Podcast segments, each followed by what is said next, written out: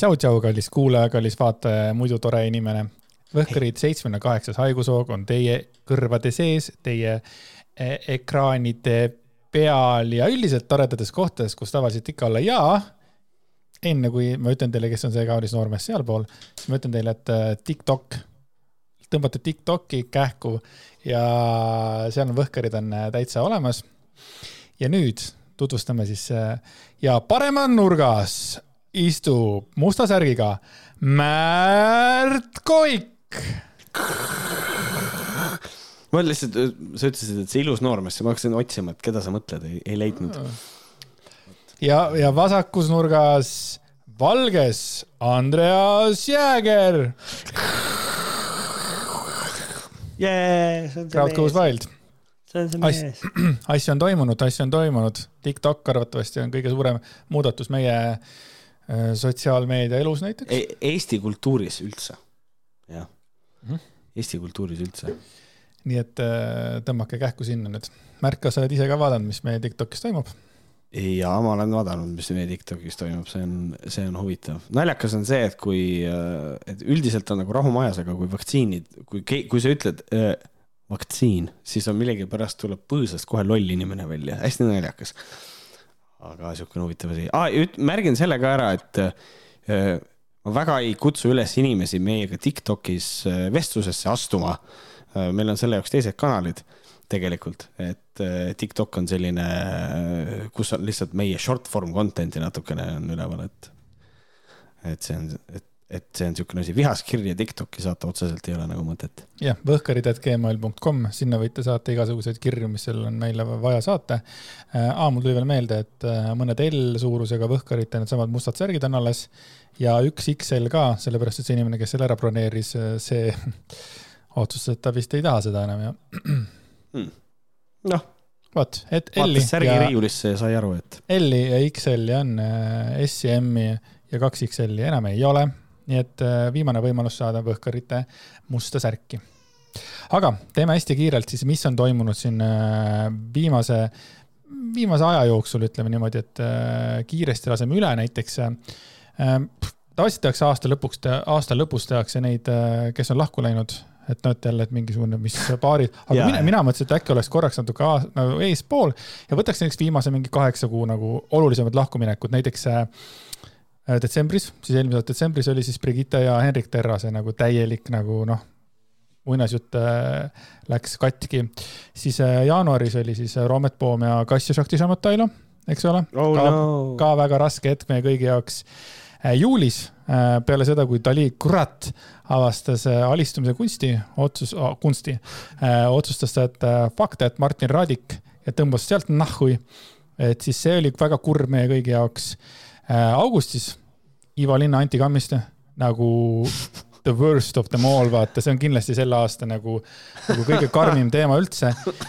ja nüüd no viimane pomm, täiesti putsis. ma ütlen päriselt ka, Märt, et ma olin nagu Äh, kaotanud usu nagu äh, armastusse ja, ja esimesest silmapilgust armumisse ja kõik sellest, et, et tegelikult see on nagu niisugune, ma ei tea, mis lugu see on, see on, see on nii imeline, see oleks nagu sajandi muinaslugu, et siis äh, Jan Uuspõld ja Brigitta läksid lahku, et see on pomm ja loodame pomm, siis, et, et Margit Korbel ei olnud õigus ja Jan ei kuku pudeli otsa.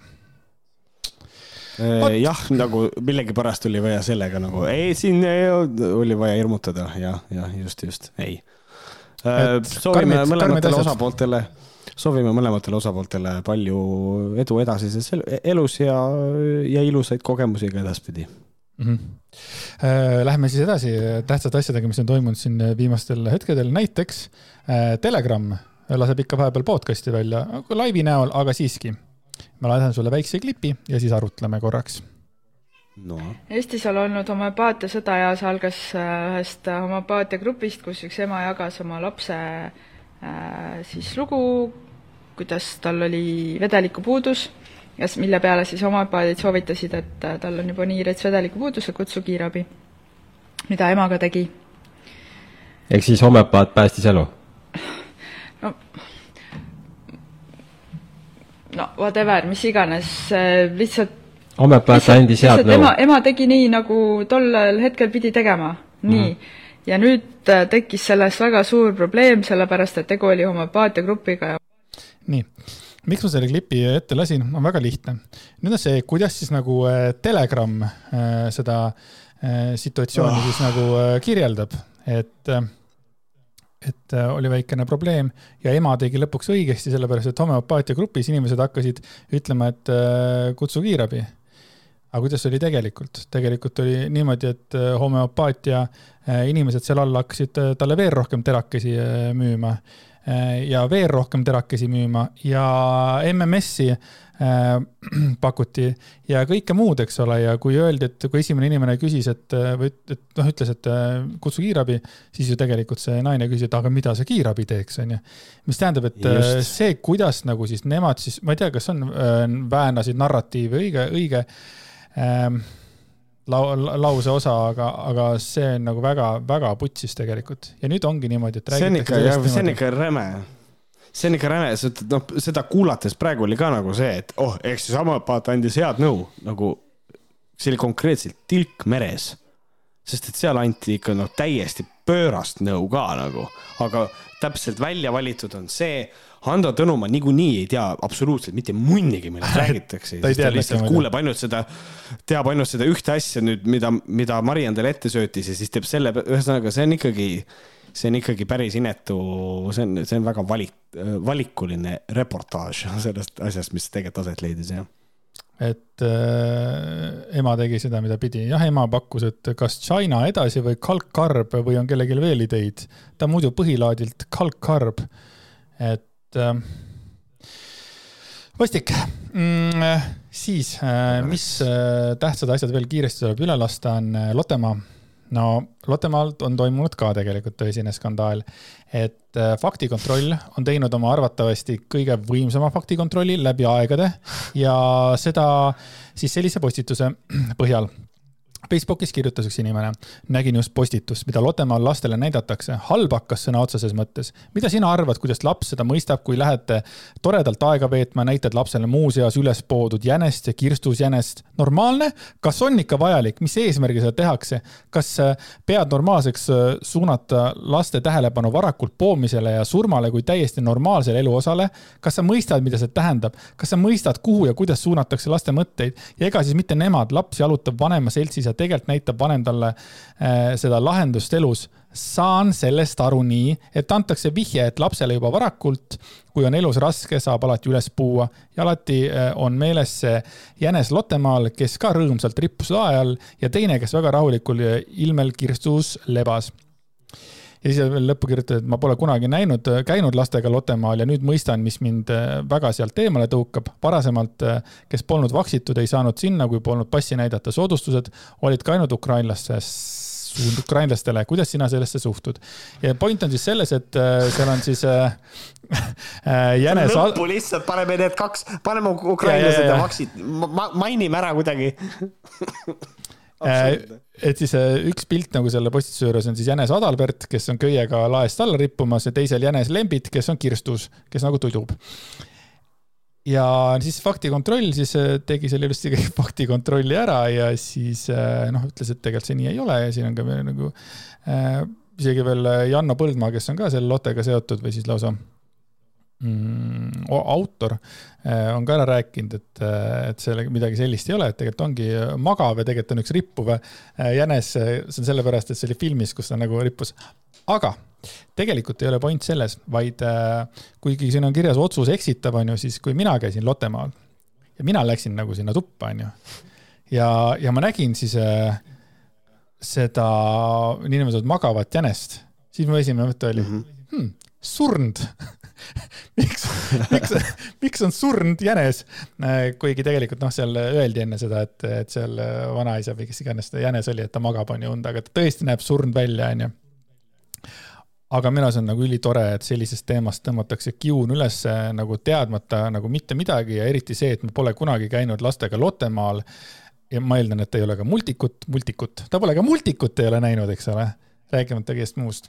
aga Märt, kõige ja, olulisem, kõige olulisem just kõige olulisemad kaks asja, enne kui ma päriselt lasen sul rääkida, on see.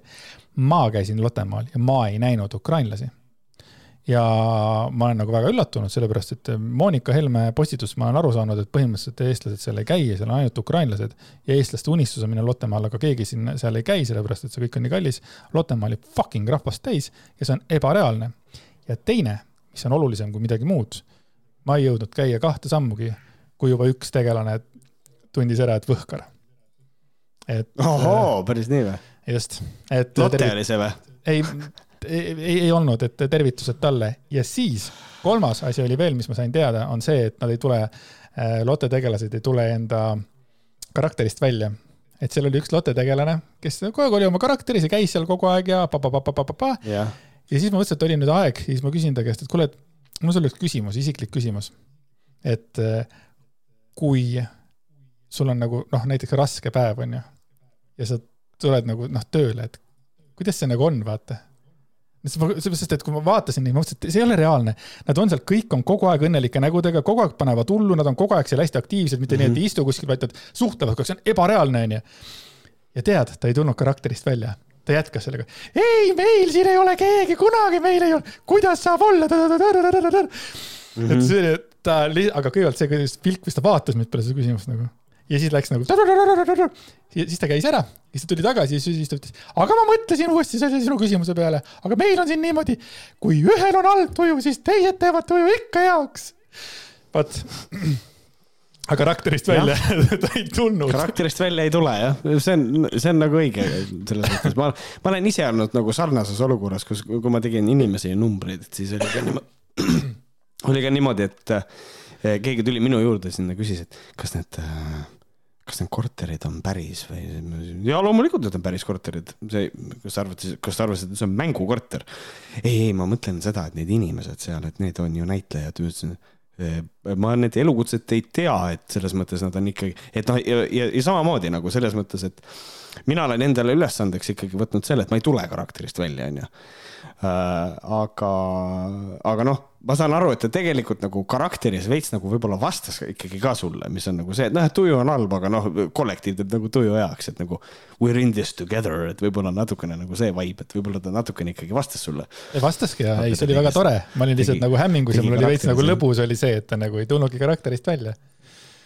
Ja, ja et see on, et, et see on tore, aga mis puudutab seda postitust ennast, siis mulle pakub hästi palju nalja nagu see, et et see on täpselt selline postitus, täpselt samamoodi.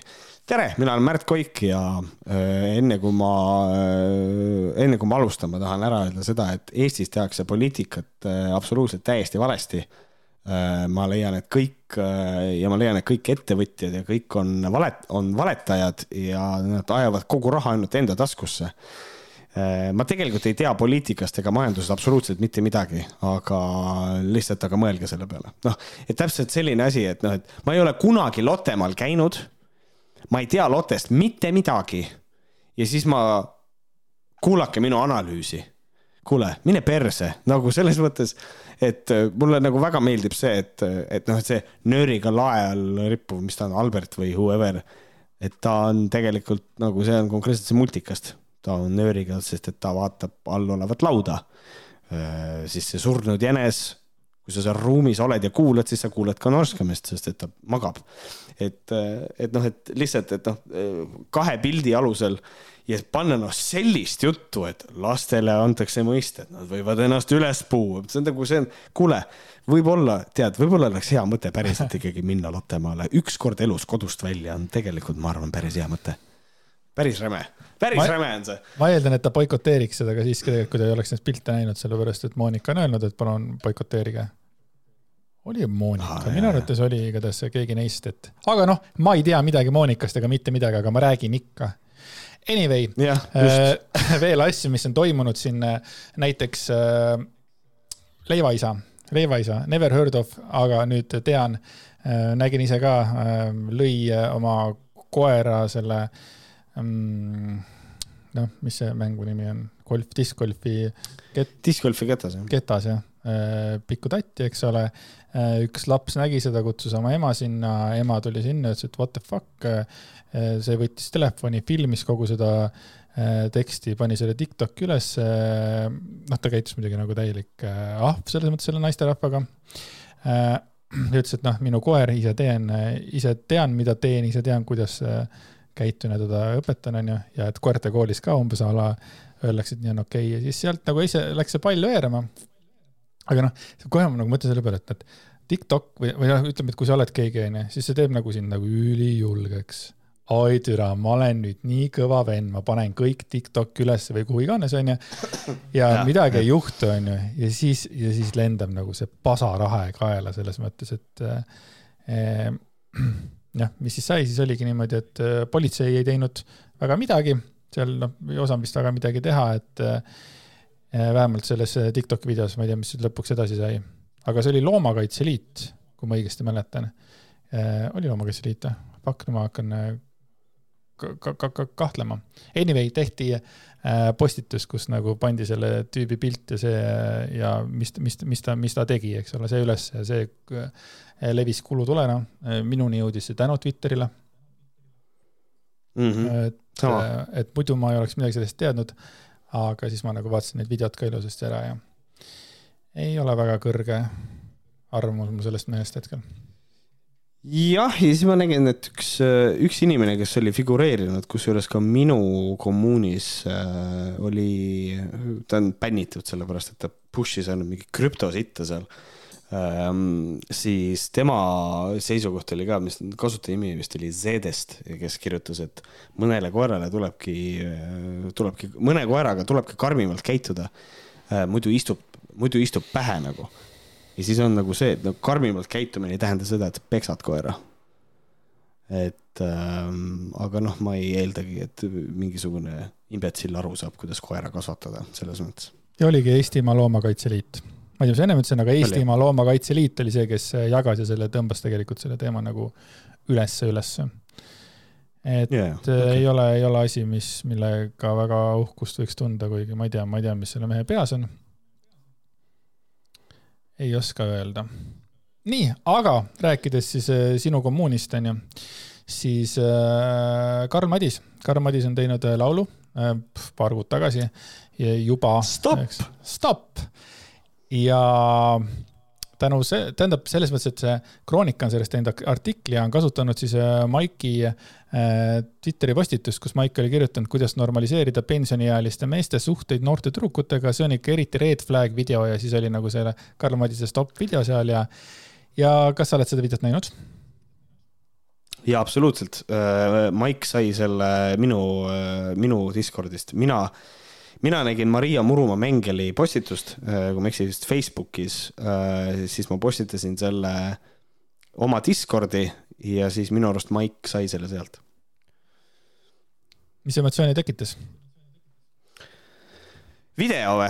no video oli video? niimoodi, et äh, see, seal on üsna alguses, video alguses on see, et ta vist ütleb, et mis tunne see oli, kui meie pilgud kohtusid ja samal ajal on ekraani peal nagu äh, tü-, tüdrukud, kes on noh, ilmselgelt alaealised nagu, kas nad päriselt alaealised olid, seda ma ei tea, aga noh, neid on kujutatud alaealistena ja see on lõppkokkuvõttes see, mis on oluline kogu selle video kontekstis siis äh, see oli, no ma ikka panin kinni, äh, ma vaatasin seda, see oli mu, minu teine katse seda videot vaadata oli see, kui ma seda esimest korda vaatasin. päris äh, halb on äh,. ma isegi ei saa nagu aru sellest point'ist, et noh, siin on küsimus on mul nagu see, esiteks kas äh, video autor, ma mõtlen seda, kes nagu režii tegi, kas režii ei hammustanud läbi, et see on äh, et see võbe on sellel videol väga sihuke pedofiilia moodi värk. kas operaat, kas terves nagu võttegrupis ei olnud ühtegi inimest, kes nagu mingil hetkel ütles, kuule, Karl, kuule see on siuke lastega seksimise video, et äh, võib-olla me ei teeks seda. et noh, et, et, et seal on nagu selline, seal on nagu noh, see on üsna nagu, nagu see võbe või noh, inglise keeles see vibe on suht nagu vastik tegelikult, see on imelik, tundub ikkagi, et jah, seal on kuidagi selline mingi keskealine mees laulab armastuslaulu, alaealised tüdrukud on ümber ja see on natukene veider ja ma ei, ei saa aru. küll aga tekib küsimus, et kas see on mingis, kas see peaks olema mingisugune nali, eh, mingisugune eneseiroonia selle üle, et tal on hästi noor naine. et et, et kas see peaks olema nagu selles mõttes mingisugune, oh, teeme korra pulli, teeme korra nalja ja siis on nagu see, et oh, ma kohtusin oma naisega, kui teil oli laps, aga see ei ole ka nagu good look, et no ühesõnaga, ma olen hästi segaduses, jah, ma ei saa aru. noh, Karmad ise ütleb, et tema on nagu selle video sellega nagu väga ise, noh, tema nagu selle autor ei olnud selle mõtte autor. ja minu jaoks oli hästi üllatav, et see on Artjom Savitski on nagu selle äh, video autor, eks ole äh,. jah uh., muusika video autor on Artjom Savitski, onju ja tema videos midagi seksuaalset ei näe, ma arvan, et inimesed panevad sellega üle. Ehm, ja siis igast asjast leitakse probleem ja see ei ole minu arvates okei okay., ma saan aru, kui seal oleks tegemist katsumisega, aga seal ei ole ju kas noored inimesed ei tohi suhelda vanemate inimestega või ei tohi nendega hästi läbi saada, et kui bussis, kuula nüüd, et kui bussis annab väike tüdruk oma koha vanemale meesterahvale, kas see on pedofiilia siis? ei ole Issand ju. jumal, kui debiilne, kui debiilne jutt, see on nii debiilne jutt nagu ei, see ei ole jah pedofiilia jaa, aga see on ka hoopis teistsugune nagu selles mõttes. kuula laulusõnu ja vaata videot, see on cringe, see on täiega cringe ja see on täiega red flag minu arust. aga, aga, aga okei okay., Jesus Christ ja Karl Madise see enese nagu enesekaitse või kuidas seda nimetada, see on ka nagu, see on nagu, see on äh, ansambel Karavani äh, Youtube'i kanalil Karl Madis stopp sa oled selles videos ja sina oled nagu see vana mees, kes on alaealiste tüdrukutega koos.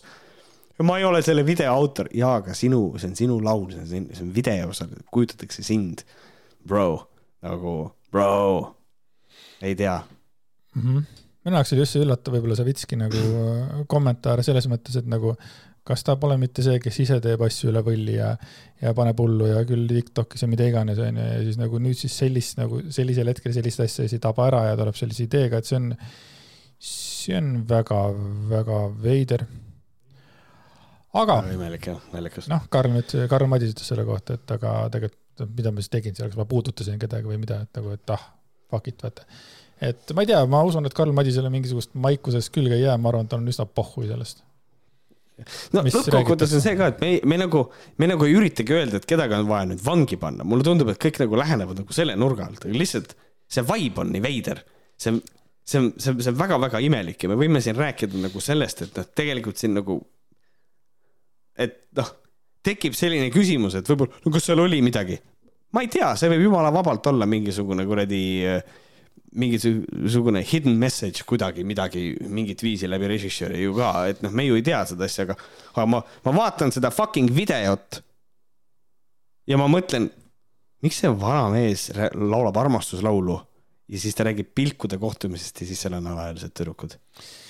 ja, ja mina mõtlen, et siit noh, et ei ole võimatu, et näiteks Varro Vooglaid või keegi teeb postituse kus ta ütleb, et Karl Madis on nüüd tühistatud ja kuidas liberaalid üritavad nüüd äh, tühistada järjekordselt mingit, äh, mis iganes. Ja siis on uued uudised, teeb sellest artikli, kuidas Karl Madist, et need, et siis tõmbavad need, hüppavad kohe punti, kes on vaata nagu, nagu sina ütled, kontra nagu kõigele sellele yeah, peavoolumeediale, eks ole, ja praegu selline uudis tuli peavoolumeedias, et siis ma ei, ei imestaks seda, et aga eks näeb, aeg näitab, mis sellest saab, et ma arvan tegelikult, et see on lihtsalt korraks on see mingi teema üleval, ma arvan, et see ei ole. ja ma arvan sama. see ei ole kellelegi mingisugune karjääririkkuja selles mõttes.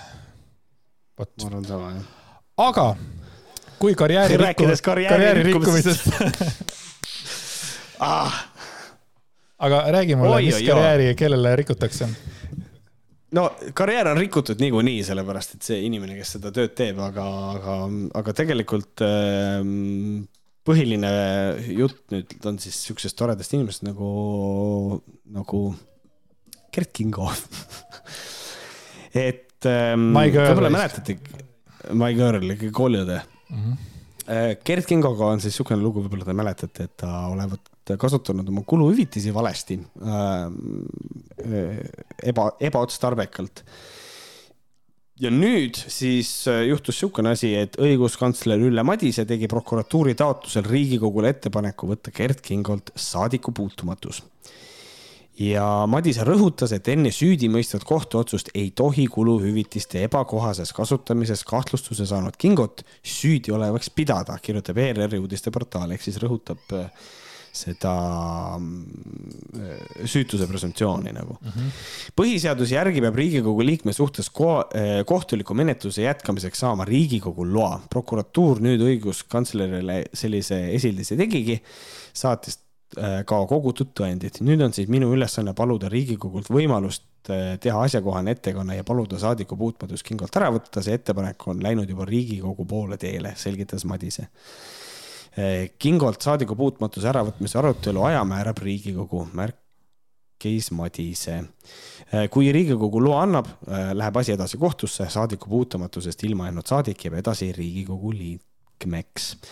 ja selle uudise peale tegelikult, mis siis juhtus, oli see, et kohe lendas Eesti üks aktiivsemaid Twitteri kasutajaid, Kaimar Karu Twitterisse ja kirjutas kohe selle, et varsti hakkame kuulma sellest, kuidas on äh, prokuratuur ja kõik on korruptsioon ja kõik see ja see. ma vastasin ka talle, et me kindlasti kuuleme ka seda, kuidas kõik teised on teinud igasuguseid asju, et noh, aga, aga nemad tegid ju ka, mis on minu arvates siis äh, Gerd Kingo lemmik äh, argument ja holy shit, kui hea tunne see oli, sellepärast et Gerd Kingo tegi suu lahti ja siis nii Karul kui ka mul oli täiesti õigus. et no hakkas tulema, et äh, Gerd Kingo sõnas äh, Delfile, et ta ei oska hinnata, kas Riigikogu annab loa talt saadiku puutumatuse äravõtmiseks, küll aga see on tema meelest tavaline protseduur, sest muidu ei saaks minna kohtusse, kus selgub lõplik seisukoht. Kingo ütles, et kui Margust Tsahkna võis rahaga sahkerdada, Marko Mihkelson alaealist ebasobivalt pildistada ja Liina Kersna koroonatesti hangetega raha teha ning kõik jäid õigeks siis tekitab olukord temas küll negatiivseid tundeid. prokuratuur on kallutatud ja korrumpeerunud. see on küll minu emotsioon endiselt, aga kõik need muud protseduurid on seadusega ette nähtud, sõnas ta.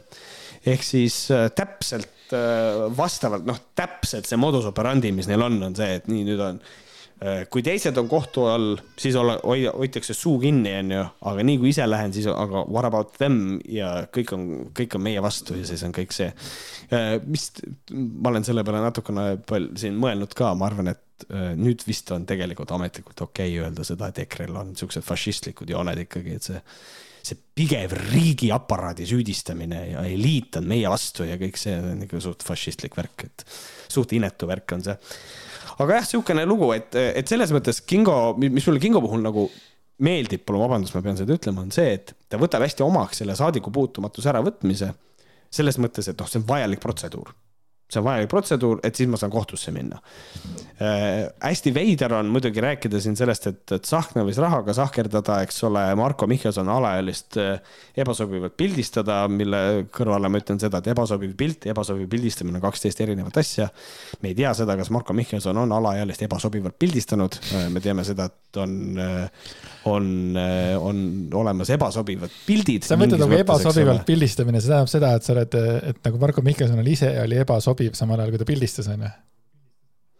Äh, kuidas, kuidas on ebasobivalt et... pildistamine üldse?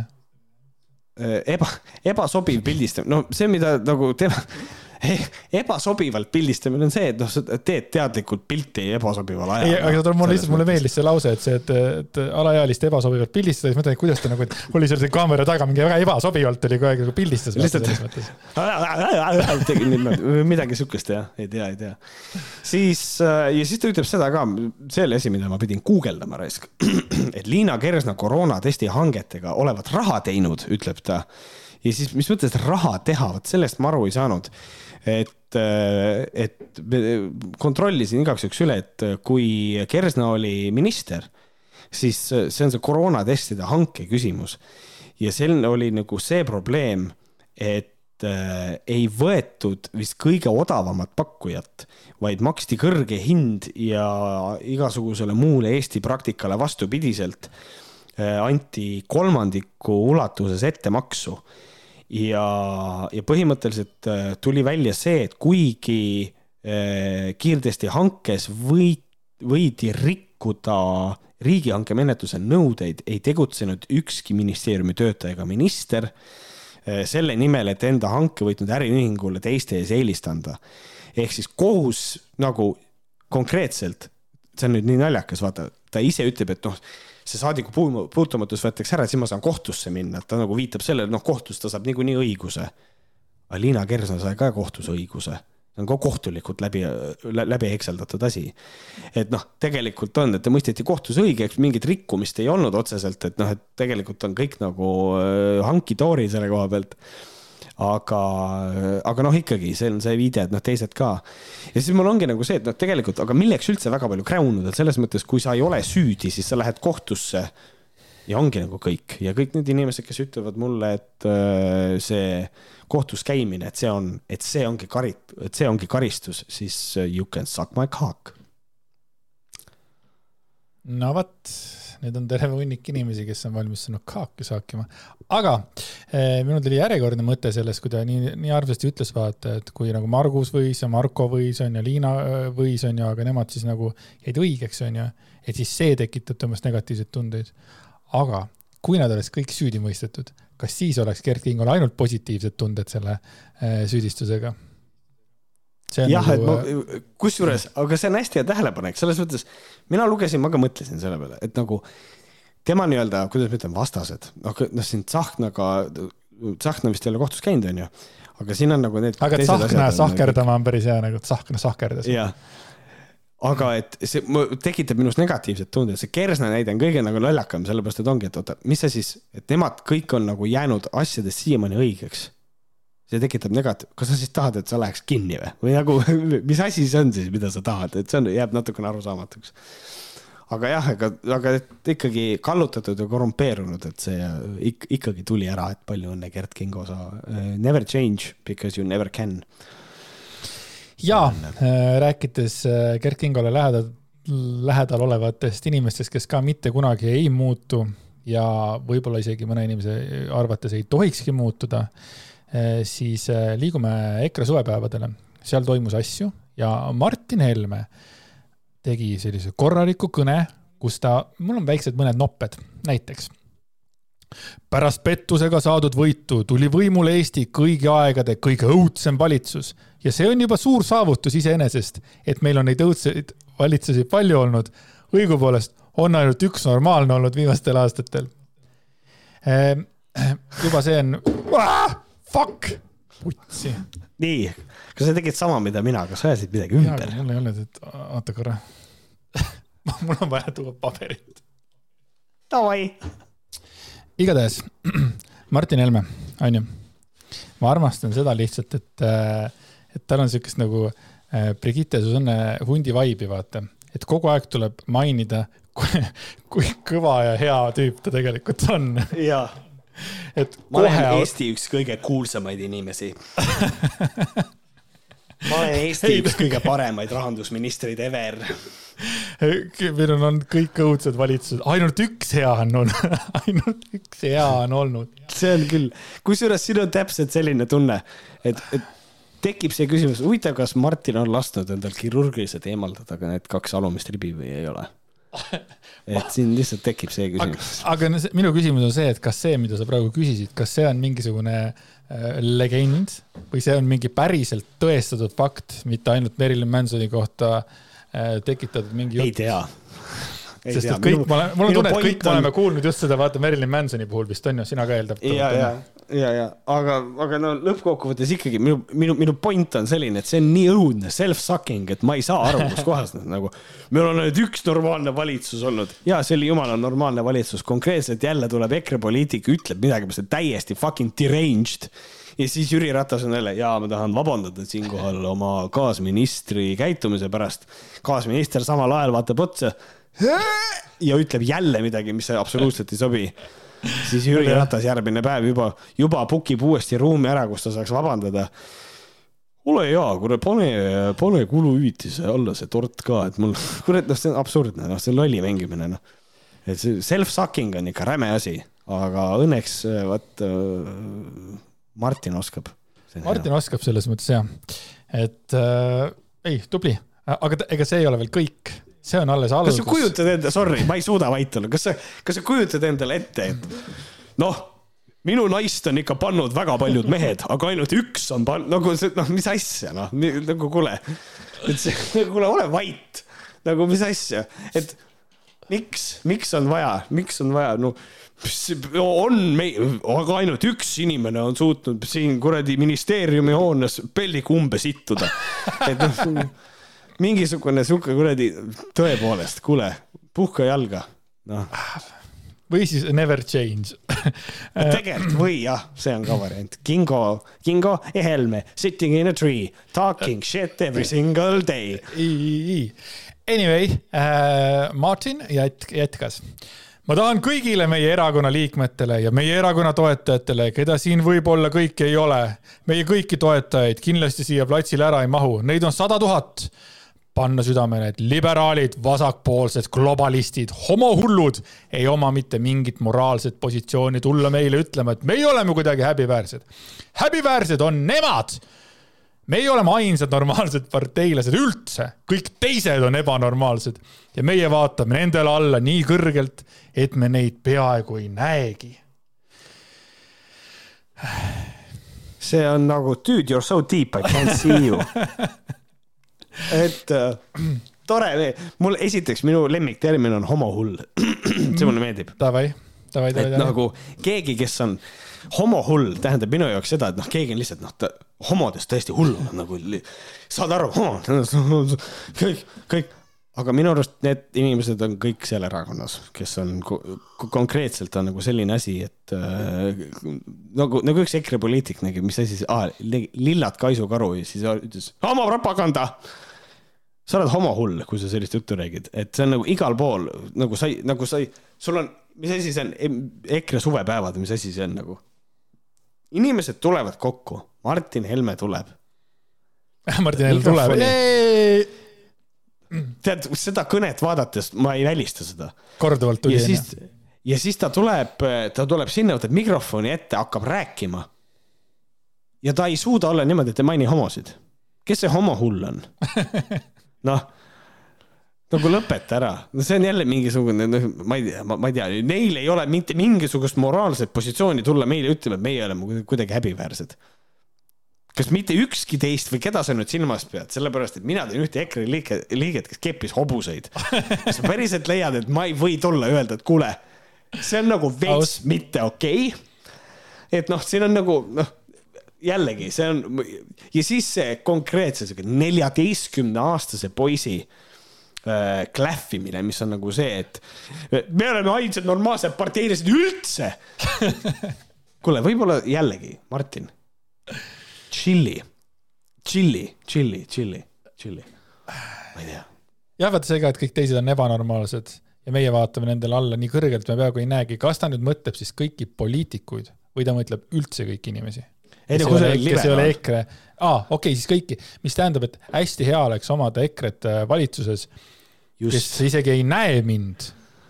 aga huvitav, kuidas nad hakkavad eraldama seda, kes tegelikult, keda nad näevad ja keda nad ei näe, kui nad teevad seadusi näiteks? see on niisugune kahe otsaga asi, et see võib tähendada seda, et, et nad nagu äh, hakkavad meid represseerima või teine variant on see, et nad ei näegi meid, nad on teinud otsuse, et ärme, ärme tee neist üldse välja ja siis, ja siis me elame anarhias see on lihtsalt nagu mingi liberastide anarhia on tänaval. jah, nad ei näe meid, üldse ei näe. päris, jah, okei okay aga Martin ei ole veel lõpetanud, ta lõpetab küll hiljem. mitte keegi mitte kunagi ei tohi lasta mitte ühelgi iniseval liberaalil tulla endale ütlema, no vaadake, millised teie olete. jah, vaatame, normaalsed, toredad, mõistlikud, töökad, tublid, ausad Eesti inimesed. Aga vaadake, millised teie olete, perverdid, vargad, maffialõustad ma... maffialõust nagu kõikide nende asjade sees öelda maffialõust, okei. Okay, selge. ta vist siin, see vist on see korruptsiooni ja nagu see, et mingid äh, omad sumsti inimesed ja kõik see, mis on, mis on nagu neil ka samamoodi olemas, aga noh, see on jah, ja me meie oleme normaalsed, toredad, mõistlikud, töökad, äh, ausad, tublid Eesti inimesed. Gerd Kingo samal ajal kuskil tagareas, oi vitt ja siis see tüüp, kes hobust nikkus, see vaatab, oi vitt ei, see, mis asja, see vaatab samal ajal eemal. Kuule, täna saab ratsutada, aga see on, on, keegi on toonud siia mingi puni. ja siis, aga vaadake, millised te ise olete, perverdid, mille pärast seesama hobusemees, jah, jah., eh, vargad, eh, maffialõustad, et noh, see on see on nagu nii nagu selles mõttes ma saan aru seda, et sa lähed EKRE suvepäevadele ja siis nagu seal on, noh, seal on lihtsalt preaching to the choir. et see on nagu see, et noh, selles mõttes, kui meil on, oleks, ma ei tea, mis asi, vägistajate suvepäevad on ju siis seal aetakse ka ikka täiesti crazy't juttu nagu selles mõttes, et nagu siin on ka nagu ikkagi, et EKRE suvepäevad tähendab seda, et noh, et nagu Reformierakonna suvepäevadel räägitakse vastupidist juttu, et noh, see ongi nagu see on, see on, see on see koht, kus kohas inimene läheb sinna ja ta tahab kuulda, et keegi ütleks pervert ja homo ja maffialõust. ja siis tuleb äh, Martin Helme ütleb pervert, homo ja maffialõust ja siis on kõik on oh my god, nii mõnus mis on seesama, mida see hobusemees ütles võib-olla, äh, et nagu see on ikka noh, huvitav, aga, aga kogu see tekst on nagu nii neljateistkümne aastase poisi kirjutatud, et see on nagu piinlik on lugeda. no ei ole, lõbus on ka veits. ja siis Martinil on väga oluline informatsioon. me oleme teiseks suurim partei Eestis, kakskümmend kaks, kakskümmend kolm, kakskümmend viis protsenti meil ei ole häbeneda mitte kellelgi mitte midagi ja me saame esimeseks suurimaks parteiks vältimatult varem või hiljem. mis on see point sellel öelda, et me oleme teiseks suurim partei Eestis, et meil ei ole midagi häbeneda, et siis selle loogika järgi ei ole Reformierakonnal häbeneda juba viimased kakskümmend, kolmkümmend aastat mitte midagi, selle loogika järgi ma mõtlen lihtsalt Thank you, just, jumala õige, et nagu selles mõttes jaa, aga noh, esiteks ta ütleb seda, me oleme teise, tähendab, ma lihtsalt tahaks kritiseerida seda, et inimene ei oska rääkida.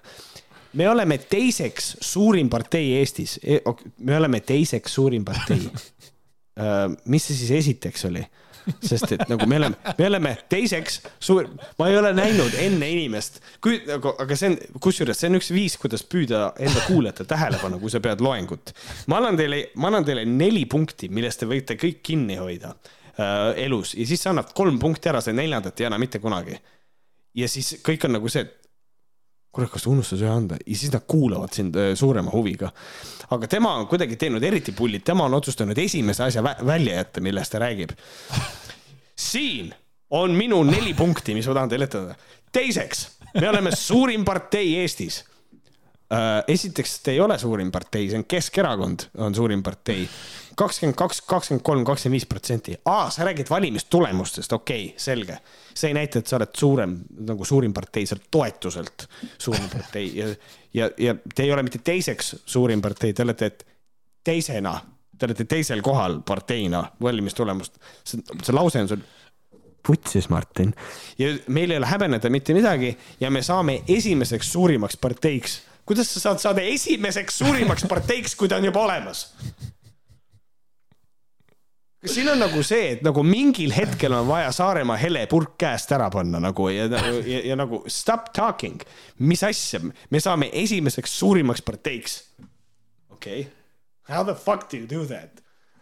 ma ei tea, täiesti ajuvaba, täiesti ajuvaba jutt, nagu ma saan aru, mida ta mõtleb, aga lihtsalt see jutt on nii fucking Porsche putsis, et ma ei tea, noh, see on okei okay,, selge Märt, mul on sulle kaks lugu rääkida teine lugu on see, kus ma käisin Lottemaa aga anyway, jätkame Martinit siis. Tutvustavat kõnet. ma kuulsin terve kevade läbi liberaalide, nende propagandistide kräunumist meedias, kuidas nemad on võitnud valimised. laske meil nüüd valitseda, aga vabandust, nad ei võitnud valimisi, võltsisid valimisi. See on esimene asi. Aga palun, aga palun tõesta see mulle ära, et seda võltsitud see on lihtsalt, see on, see on lihtsalt nagu nii soolane mees see on, see on, see on konkreetselt nagu see mees, Martin Helme vist on nagu see mees, ta läheb jõu tõstmist tegema, onju. Äh, ja siis on äh, kuradi äh, mingi noh, rinnalt surumist läheb tegema, onju, nii. ja siis võtab selle kuradi, kuradi raskuse kätte, lükkab ülesse sada kilo, kõvareis surus sada kilo rinnalt ära, vägev, vägev, vägev, vägev. siis tuleb teine mees, surub kuradi sada seitsekümmend ja siis ta on nagu see mees ütleb. Need kettad, seal on vahtkumm sees ja see on fake ja see on pask kõik. tegelikult mina võitsin, täpselt sihuke käitumine, et nagu selles mõttes, et kuul-, nagu. tüüd näita natukene austust välja nagu meie demokraatia pihta, et nagu inimesed kaotavadki. me, me, erakonnad kaotavadki, kõik erakonnad ei saa võita. sa said nagu konkreetselt, sorry. Märdi üllatuseks oli ka teie tulemus tegelikult ikkagi väga kõrge. mina ei arvanud seda, et te niimoodi juhite öö, paberhäältega, ma ei oleks seda elu sees arvanud, see oli ikka päris jõhker. ja siis te kukkusite, teile lihtsalt ei meeldi see, et Reformierakonna valijate ja e-hääletajate korrelatsioon on erakordselt suur, see ei meeldi teile ma saan sellest aru. You just don't like losing ja see on kogu see asi, mis teid tegelikult häirib. ja siis on see, see valimised on võltsitud nagu Trump proovis seda ja Trumpi omad inimesed ütlesid lõpuks, kuule, tüüd nagu see on legit kõik, et nagu siin ei ole mitte mingisugust, mitte mingisugust võltsingut ei eksisteeri, lõpeta ära noh. keegi võiks nendele oma inimestes ka seda öelda. Peeter Ernits vist on see mees, kes nagu annab ikka mõista, et noh, tegelikult kuulge, lähme edasi nagu noh, eks Peeter Ernitsast võib-olla kuuleme ka hiljem, aga kes teab võib-olla, vaatame. võib-olla. Äh, Martin jätkas, oleks nad saanud ausatel valimistel ausa mandaadi oma plaanidele, ma oleks vastu, aga ma ei sõdiks nii, nagu me sõdime praegu. aga nad ei ole saanud ausalt ja nad ei ole küsinud luba ja neid tuleb takistada kõikide vahenditega iga päev, kuni nad väsivad ja murduvad. see on meie töö jah, kusjuures ja nüüd siia otsa paneme selle lõigu ka, mis sa vahele jätsid. siis me saame sellest väga hästi rääkida. teiseks, selleks, et valitseda, tuleb kõigepealt küsida valimistel mandaati. mitte millekski, mida nemad praegu teevad, ei ole mandaati küsitud. ei maksutõusudeks, ei homoasjanduseks, ei massiliseks immigratsiooniks Eestisse ja massiline immigratsioon Eestisse toimub. nii, ja nüüd me jõuame sinnamaani, millest me oleme väga palju rääkinud mandaadi küsimine, käime kiirelt üle, väga lihtne. Äh, kui inimene valitakse, osutub valituks, siis talle antakse mandaat teha whatever the fuck they want, sest et Eestis on vaba mandaat, mitte imperatiivne mandaat. imperatiivne mandaat tähendab seda, et ma annan lubaduse, ma parandan kõikide Eesti naabritega, kõikide poliitikutega, käin välislähetustel ja parandan äh, Eesti riigi suhteid kõikide riikidega. ja siis juhtub see, et et äh, Venemaa astub näiteks sõtta, siis sinu imperatiivne mandaat, Venemaa teeb kõiki neid asju, mida ta nüüd on Ukrainas teinud, sinu imperatiivne mandaat nõuab, et sa pead kinni oma lubadusest ja teed seda. aga sellega on üks probleem, see tähendab seda, et see poliitik ei ole oma otsustes vaba. Tegelikult, sest et teda põhimõtteliselt survestatakse tegema seda äh, noh, imperatiivset mandaati nagu täitma.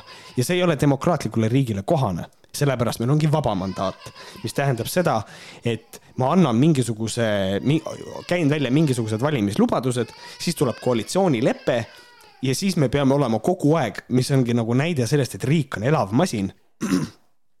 et ma saan muuta oma otsuseid vastavalt sellele, milline on poliitiline keskkond ehk siis, kui peaks juhtuma nüüd, et juhtub mingisugune täiesti nagu hurraa asi et noh, täpselt samamoodi võiks küsida, et aga kuskohast võeti nagu, kuskohast võttis Keskerakond, eh, EKRE, Isamaa, kuskohast nemad võtsid selle mandaadi, et kehtestada eriolukord Eestis. Nad ei küsinud selleks ju mandaati. nii, mitte keegi ei vaidle selle vastu, ei küsinudki, aga see on fine, neil on õigus seda teha. täpselt samamoodi nagu Reformierakonnal on õigus seda teha. Palun vabandust, aga noh, mandaatidega need asjad lihtsalt niimoodi on. teine asi on see, see mandaadi küsimise jutt, see puhtalt selle pealt me ei saa öelda seda, et peab küsima mandaati iga asja jaoks eraldi, mis on vaja nagu läbi teha, need asjad meil ei käi niimoodi. põhimõte, minu point on selles. Martin Helmele lihtsalt ei meeldi Eesti Vabariigi põhiseadus ja ta võiks seda ühel hetkel tunnistada, sellepärast meie põhiseadus ütleb selle ilusasti välja, mismoodi meil nende mandaatide asjadega on see on, see, see on nagu lollakas. siis massilise, mulle meeldib see, et ta ütleb, et ei maksutõusudeks, mis on asi, millega kõik on kursis, ei homoasjanduseks ma ei tea, mis asi see homoasjandus on, mina mõtlen selle peale, et homoasjandus on, on midagi, aga hea küll, kõik saavad enam-vähem aru, millest ta räägib. ja ei massiliseks immigratsiooniks Eestisse ja massiline immigratsioon Eestisse toimub, on nagu, ta ütleb selle sinna otsa lihtsalt selle jaoks, et, et noh, tegelikult see toimub, sellest, sellest ei räägita. noh, see on, see on konspiratsiooniteooria sisuliselt. et see on sihuke, sihuke noh, ühesõnaga ja siis äh, hüppame siit edasi ka seda, et, et nemad teevad oma tööd, et nad takistavad äh, iga päev, kuni väsivad ja murduvad siis meie noh, vabariigi valitsust, et see on nende plaan. ma ei mäleta, et EKRE oleks küsinud mandaati selle jaoks, et tegeleda ainult obstruktsiooniga. et minu arust see on ka veider siin ei ole mitte midagi rohkem lisada. aitäh teile, et te kuulasite, aga tegelikult jätkame. Sorry, sorry. Sorry. Äh, Martin jätkas veel äh, oma viimase lõigukesega. nii et puhkame veel mõned nädalad, kellel on võimalik. loodame, et vähemalt kaheks päevaks tuleb päike ka välja. oi. ja siis sügisel läheb ragistamiseks. on ju selge, et nad tahavad hakata lihtsalt ühel hetkel vastu võtma seadusi, mille järel saab hakata meid, meie toetajaid, meie pooldajaid karistama küll trahvidega, küll vanglatega oma mõtete, oma põhimõtete avaldamise ja kaitsmise eest. aga seda me neile ei kingi. nii et meie ülesanne erakonnana on, meie ülesanne erakonna liikmetena on jätkuvalt olla truu oma põhimõtetele, teha tööd rohujuure tasandil oma seisukohtade selgitamiseks inimestele, tuua meiemeelsed inimesed erakonda ja siis, kui on õige hetk, tulla Toompeale Eesti eest. Siin on ilmselt siis nagu viidatud sellele kunagi selle Toompea kaitsmisele, et ikkagi, et mingil hetkel Eesti rahvas peab nagu Toompeale kohale sõitma ja nagu vist on nagu seda mõeldud, aga, mm, aga noh, siin on jälle see, et, et meie inimesi tahetakse trahvida, tahetakse panna vangi, oma mõtteid, põhimõtteid ei tohi kaitsta, neid ei tohi avaldada, et noh, tegelikult siin on äh,, siin on ikkagi natukene nagu problemaatiline kogu see suhtumine, et noh, põhimõte on selles, et see noh, see, see ei, see ei vasta tõele, et jah, kui sinu põhimõte on selles, et sa tahad mingist inimgrupist näiteks täielikult vabaneda ja kutsud üles neid inimesi, ma ei tea, avalikult maha lööma näiteks. siis äh, noh, see on muidugi peaks olema juba praegu seadusega keelatud, aga kas see ei ole, siis ei lähe samasse auku, et aga see, ta ju, see inimene ju räägib oma põhimõtetest, kas see siis ei ole okei okay.? et noh, siin on nagu sihukest ähm, noh, ma ei tea Äh, sulaselgelt lolli mängimist on selles jutus ikka väga palju tegelikult, et, et noh, ikka üle võlli täie, täiega nagu mm. -hmm ma ütleks selle kohta tegelikult klassikaline Martin, et ega siin ju, ega, ega sa midagi üllatavat siin ju ei näinud selles mõttes. seda on nagu tore ja. lugeda, aga noh, tegelikult me oleme seda kõike kuulnud varem. lihtsalt mm. ta on selline ikkagi kuri tüüp on ju ikka midagi, see, kuidas ta nagu seda kõnet pidas, ikka kurat oskab pidada, ei ole midagi öelda, noh oma nendele. rahvamees, rahvamees, rahvamees, rahvamees. aga kes kindlasti ei ole rahvamees on wow. Ivan Makarov. Ivan Makarov äh, otsustas, et Objektiivis äh, pole piisavalt värki Veldiku seinal ja, ja kirjutas äh,, hakkas kirjutama esimeste lausetega mõtlete, et kirjutab mingisugust ilukirjandust, aga tuleb välja, et ei Eesti muld on pragunemas, kaevud kuivamas, aga ajusurnud saatejuhid muudkui kordavad eetris, et õnneks vihma ei tule või paraku võib kohati olla sademeid.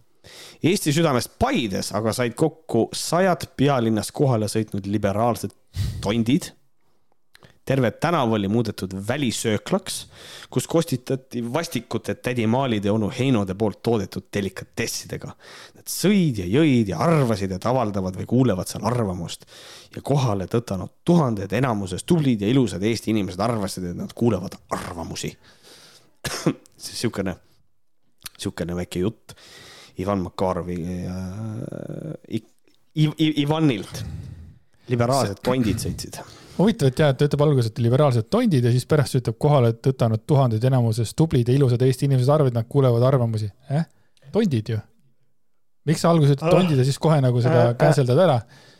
või sain valesti aru või? ta võib, ta võib-olla mõtleb äh, tontide all need, kes esinejad olid, kes rääkisid, vaata, need on liberaalsed tondid. ma arvan, et ta mõtleb seda sest et ta ütleb ka, et äh, said kokku sajad pealinnas kohale sõitnud tondid. ma arvan, et siin on see mõte, jah et Grünthal ja Kraht ja Monika Helm olid ka seal samal ajal, ma mäletan. lihtsalt. jaa, aga nad, aga nad ei olnud Arvamusfestivalil. siin on see vabandus. ei, siin ei ole kirjas, siin on kirjutatud Eesti südames Paides, aga said kokku sajad pealinnast kohale sõitnud liberaalsed tondid. kuigi nad ei ole liberaalsed. Nad olid Paides äh, ja, ja, ja, ja minu kõige suurem küsimus on, kust kuradi kohast see tuli, et need vastikud tädi Maalid ja onu Heidade poolt toodetud delikatessid, mis asi see nüüd on? ma arvan seda, et ta üritab siin kuidagi ironiseerida selle pealt, et tegelikult äh, neid liberaalseid äh, väärtusi äh, push ivad inimesed tarbivad äh,, tarbivad nende inimeste toodangut keda nad ise peavad vastikuteks onu heinodeks ja, ja tädimaalideks. Vau, seda on vaja tõesti, siin on vaja, et hakata lahti nagu seda kodeerima, mis ta kirjutab. ma ei oleks. et ma arvan küll jah, et noh, et noh, näiteks mis asja see mm, Hendrika Näägo, kes oli siin tugev Sinise Äratuse või noh, üldse see EKRE-meelse kuradi äh, noor naisterahvas, et noh, tema vanemad ju ajavad ju ühte Eesti kõige edukamat kuradi juustufarmi, Andre. Andre juustud, kõik need on ju tegelikult minu teada ju tema perekonna asi et noh, siin on näiteks noh, hea, hea näide on see, et, et noh, et kas Andre juustu söömine, selle nagu äri toetamine. ma muidugi ei tea, kuidas Hendrika Nägo maailmavaade on praegusel hetkel kindlasti natukene muutunud. ma ei tea, kui palju, aga et et selliseid asju ikka on, et, et noh, kritiseerid mingisugust maailmavaadet, aga ise samal ajal tegelikult ostad nende inimeste nagu toodangut. mis on selles mõttes, ma leian, et see on normaalne, ma leian, et see noh, sa ei saa sellisest asjast üle ega ümber, et noh, selles mõttes Google'isse, kui me paneme kõik korraga näiteks Hendrika Näägo, kas kõigile tuleb erinev äh, nagu see pilt või? Otsingud nüüd järjekorda? ma ei usu, aga ma ei tea. sellepärast, et äh, rääkides Hendrika Näägost ja Märt Koigist, siis kohe kõigepealt on mingi Delfi EKRE-sse kuuluv Hendrika Näägo erakonna madalast blablabla ja siis on kohe buum, Märt Koig video, Hendrika Näägo Müürilehes, üksteist aprill kaks tuhat kaheksateist, olid ilusad ajad, eh? ja siis ja, veel Märdi Kelder, mis meil Märdi Kelder, et sa oled kuidagi Henrika näoga nüüd seotud sinna alguses. oi, oi, oi, oi. Nii et guugeldage, vaadake, kas te saate ka kohe teiseks tulemuseks video Henrika näoga müürilehes. By Märt Koik. My bad, sorry aga, aga jah, ühesõnaga, et see on vastus su küsimusele, et ilmselt ta mõtleb seda uh,. That would make sense. no vaatame siis, mis edasi tuleb, kas ma ei, sellest ka ei saa aru või? nii, aga äh, jutt jätkub, aga ei kõlanud mitte ühtegi arvamust. Sinna kogunesid tegelased, kes valmistuvad hoopis kriminaliseerima kõikide teiste inimeste arvamusi. kanti ette globalistlikke programme, multikultilisi kavasid, perversseid fantaasiaid ja estofoobseid instruktsioone. ma ei, huvitav, kas ta ise kohal ka käis või? ma arvan, et ta käis, sest ta väidab seda, et mitte ühtegi arvamust ei kõlanud, mis tähendab, ta käis arvatavasti läbi kõik Äh, arvamuse mm -hmm. kohad, ta kuulas iga sekundit ja ta ei kuulnud mitte ühtegi arvamust, mitte ühtegi. et see on hästi huvitav, et ma mõtlen selle peale puhtalt nagu see vestlusring, mida mina pidin läbi viima, aga ma ei teinud seda, sest ma jäin haigeks.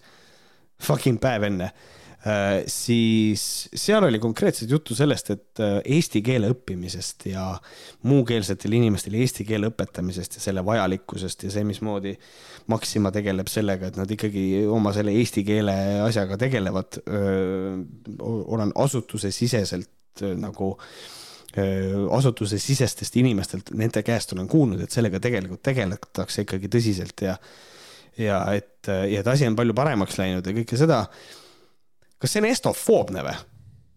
kas see on globalistlik programm, kas see on multikulti kava, kas see on perversne fantaasia või nagu ma ei tea, tekitab küsimuse, kallis Ivan, et nagu võib-olla sa, võib-olla sa tuled ikka kohale ka nagu ja siis vestled, ma ei tea, kui kurat, kui Järvan suudab kohale tulla Arvamusfestivalile, siis võib-olla võiks Ivan Makarov ka tulla.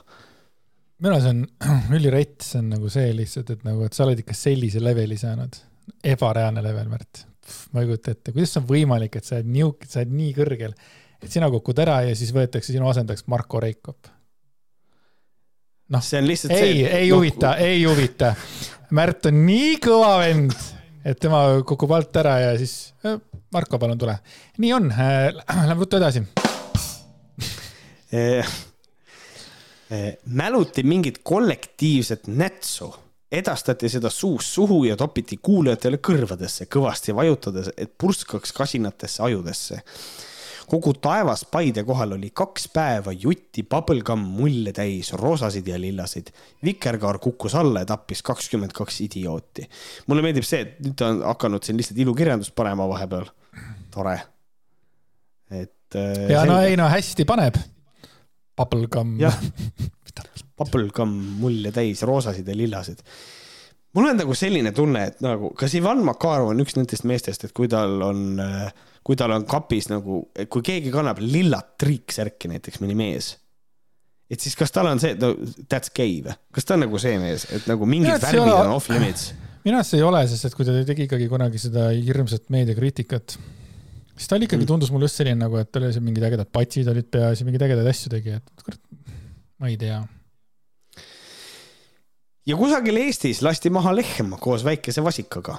ema mitu kuud hoolitses oma lapse eest, nad ei, nad ei murdnud hambaid ja ei vaenanud homosid, nad ei kirunud hieroglüüfhuultega Kaja Kallast. Nad lihtsalt julgesid olla valged ja vabad ja mingi kahejalgne aktivist lasi nad maha. jäi ainult pilt, kus vasikas vaatab inimesele ema tagant silma. no ma nüüd ei, ma nüüd, ma nüüd mulle nagu meeldib selle juures see, et ta, ta on selle lehma kontekstis otsustanud nagu konkreetselt ilma igasuguse naljata nagu rassimängu tuua. see on nagu, see on, see on, see on nagu next level. arvestades tegelikult, ei, aga mis on nagu veider, on see, et tegelikult ju Makarevile meeldib ju blackface'iga Kristel Aasaid rohkem kui ilma blackface'ita Kristel Aasaid. jah, jah, jah. nagu me kõik tea, mäletame võid Eesti, Eesti, minu kallis Eesti, tule lõpuks mõistusele, nad reostavad Eesti kultuuri, nad pilastavad meie laste hinge, nad mõnitavad ja alandavad meie häid inimesi, nad annavad meie maa võõrastele. ma ei tea, mul on siuke, mul on siuke tunne, et ta elab vist ikkagi mingis teises riigis. äkki on küsimus lihtsalt tühistatud eneseväärikuses ja alalhoiuinstinktis. võtke need oma valged kapist välja ja äiake valetajatele reeturitele, kaabakatele ja siis äh, on ta siia kirjutanud äh, siukse asja äh, jutumärkidega algab. ta haarab lennult musta luige ja viib ta riidekappi. võõra naise valges kapis on mustal luigel nii pime. et ühesõnaga siukene, siukene vahva kirjatükk Arvamusfestivalil, ei midagi sisukat, ei midagi sisulist, vaid lihtsalt üks suur haisev etteheide. ja kõik, mitte midagi muud. aga jaa, see haisev etteheide kirjutas selle artikli siis neljateistkümnendal augustil Objektiivis, minge lugege, äh, on tore, aga samal päeval, samal ajal kirjutas üks äh, teine sama pundi mees mitte samasugust juttu, aga äh, kirjutas ka. ja selle mehe nimi on Harri Kingo. Kingo, jess. ja Harri Kingo kirjutas siis sellise Facebooki postituse, mille nimi on Miks me kaome? me kaome, sest selle määravad ära viis objektiivset asjaolu, mida me ei saa muuta. number üks, naine on sünnitaja, naine otsustab, kui palju lapsi ta ilmale toob. ja minu küsimus on see, et kui ta ütleb, et me kaome, siis minu küsimus on, kas eelnevalt sünnitas mees? vot ongi, siin põhjus, miks seda niimoodi küsida, on nagu selles, et eh, Harry Kingo ütleb, et me kaome ära, me sureme välja. ja me sureme välja, sest et on viis asjaolu, mida me ei saa muuta. Need on need põhjused, mis me välja sureme, see on see, kuidas ta on selle eelhäälestanud. ja esimene punkt on see, et naine on sünnitaja, ta otsustab, kui palju lapsi ta ilmale toob. ühesõnaga, kuna naine sünnitab, kuna naised sünnitavad, siis me sureme välja, selge. aitäh, Harry aitäh, et kuulasite, võime kõik ära koju minna. et nagu selles mõttes, mul on selline tunne, et he fucked up. ta nagu, tal läks mingi asi ka kapitaalselt perse, kui ta seda postitust kirjutas, sellepärast et mõte ei tule läbi. ta mõtles midagi muud, aga ma, ma ei, ma ei, ma ei. ma arvan, et kui ta kirjutas selle, et naine on sünnitaja, siis ta mõtles ikka selle peale, selle õuduse peale, vaata, kui need emad imetavad, vaata. ja siis tal ah, läks, kõik läks, mõte läks sassi ja siis ta läks nagu hakkas rändima. aga number kaks põhjus, miks me kaome, on kapitalism. see tähendab, et mehed teenivad oma töö eest nii vähe raha, et ka naised on sunnitud tööl käima, seda kogu oma fertiilse ea jooksul. kahte teha, käia tööl ja palju lapsi sünnitada ning üles kasvatada, see pole võimalik. ja see peaks olema natukene nagu, see mingisugune kerge sihuke vandenõuteooria on, et et kuna naised läksid tööle, siis sisuliselt on mehed hakanud sellepärast vähem palka saama seal on nagu, siin on nagu see jutt äh, natukene, kuigi noh, tegelikult nagu noh, mis selle point on nagu see, et kui naised ei käiks tööl, siis mehed saaks rohkem palka. probleem on lihtsalt selles, et see idee on täiesti fucking absurdne, sest point on tegelikult selles, et meil on ühiskonda tekkinud nii palju erinevaid institutsioone, erinevaid töökohtasid, asju juurde, et neid ei ole võimalik täita ainult meestega ja naised, olles ühiskonna liikmed, ikkagi peaksid ka tööl käima ja, ja siis niimoodi see asi käib, aga Harrile ei meeldi mm, -hmm. ja minugi ainus küsimus on see, et aga äkki võiks äh, mees ka last üles kasvatada, noh lihtsalt. mis on ka hea point jah, et Mhm. millegipärast on just see, et äh, lapsi kasvatab naine, see tuleb siit väga selgelt välja jah. aga number kolm, miks me kaome? Tarbimismentaliteet. tarbimine on saanud üha enam meie tavapäraseks vajaduseks. kui me tahame aga tarbida, nagu me tarbime, kui me tahame tarbida üha enam, siis me peame ka tööd rabama, nagu me rabame. ja rabame üha enam, mis lapsed? Need teevad vaid elu raskemaks ja loovad kohustusi. jah, aga ma mõtlen, tarbimine on nagu lapsed on ka tarbijad ja tarbimine tähendab seda, et inimesed ostavad, mis tähendab seda, et äh, nad peavad maksma, mis tähendab seda, et neil on raha vaja, mis tähendab seda, nad peavad tööl käima, kuidagi nagu väga huvitav, väga, huvitav süsteemi kriitika, et nagu selles mõttes, kui ta süüdistab kapitalismi ja tarbimist nagu kas ta siis, Harri Kingo on siis, mis ta siis on, sotsialist või, või kommunist või kes ta siis on, et mis tema nägemus sellest asjast on, see mind nagu väga-väga huvitab. Võib-olla kirjutame talle Võhkrite meili alt, kuule, kas sa oled nagu sotsialist või sa oled nagu kommunist? Kuule, tere, Harri, kuule, sorry, ei saa aru, aita lihtsalt. number neli, miks me kaome? by Harri Kingo. ideoloogia, mis esitab väärarusaama vabadusest. naised arvavad, et kui nad on sunnitud samamoodi tööd orjama nagu mehed, siis nad on sama vabad, kui on mehed. võrdõiglus, võrdõiguslased võitlevad naiste, meestega võrdse orjuse, mitte naiste reaalse vabaduse eest ei saa aru, miks ta orjusest räägib, kui tööturg on vaba, ei, ei, ei, saa aru. Ähm,. ta vist siin, siin nagu peegeldub mingisugune isiklik pettumine nagu selle üle, et mingite tööde eest võib-olla, mida ta ise on teinud, on ta väga vähe raha saanud. Ja siis ta nimetab seda nagu orjaks, wage slave, mis viitab üha rohkem, et Harri Kingo on pigem sotsialist, mis on huvitav. Jah, ja siis ikkagi see küsimus ka, et äh, kas naine on vaba, kui ta ei käi tööl, aga kasvatab lapsi? No näiteks, temal, temale küsimus, kas ta on siis nagu vaba ja kui ta nagu kasvatab lapsi ja siis teemegi nii, et ta nagu oleks nagu siis nagu tööorjusest vaba, kas ta on siis ka vaba oma arvamust avaldama näiteks mehele või vaba ostma, mida ta tahab või vaba üldse oma valikutes aga noh, ärme unustame ära, et ta tegelikult ju kasvatab ka lapsi, mis on juba Just. tegelikult, sa ei ole vaba, sa oled kordades rohkem kinni kui tööl olles tegelikult. Et nagu selles mõttes, et inimestel on õigus otsustada oma elu üle, kuidas nad seda teevad, aga sellega iga inimene kogu aeg annab ära teatavat vabadust nagu selles mõttes. et, et noh, siin ongi, kui ühiskond dikteerib, et naised ja mehed peavad käima tööl, siis, siis ja sa ütled, et see ei ole vaba siis kui ühiskond ütleb, et mehed käivad tööl, aga naised on kodus, siis kas naine on vaba, see on väga hea, väga hea probleemipüstitus iseenesest küll, jah ja viies punkt, miks me kaome by Harri Kingo. tahtmatus kaotama ka,, ütlen uuesti. viies punkt, tahtmatus kaotada oma sõltumatus. mitte vaid kaasaja naised, vaid samavõrd ka kaasaja mentaliteeti endas kandvad mehed ei soovi, et naised palju lapsi neile sünnitaks. mehed ihkavad olla ise vabad ja sõltumatud ja mitte seotud suure pere kohustuste ja vastutusega. mehi rahuldab täiesti, et pere on väike ja et naine käib tööl ja ennast ise ülal peab mehi rahuldab, et pere on hästi väike ja et naine käib tööl ja ennast ise ülal peab. kurat, ma ei tea, see, et minu naine tööl käib, see ei tähenda, et ta ennast ise ülal peab, me nagu ikkagi või pitch in, tead nagu perekonnas jagatakse asju, aga võib-olla see on ainult minu perevärk, ma ei tea um,.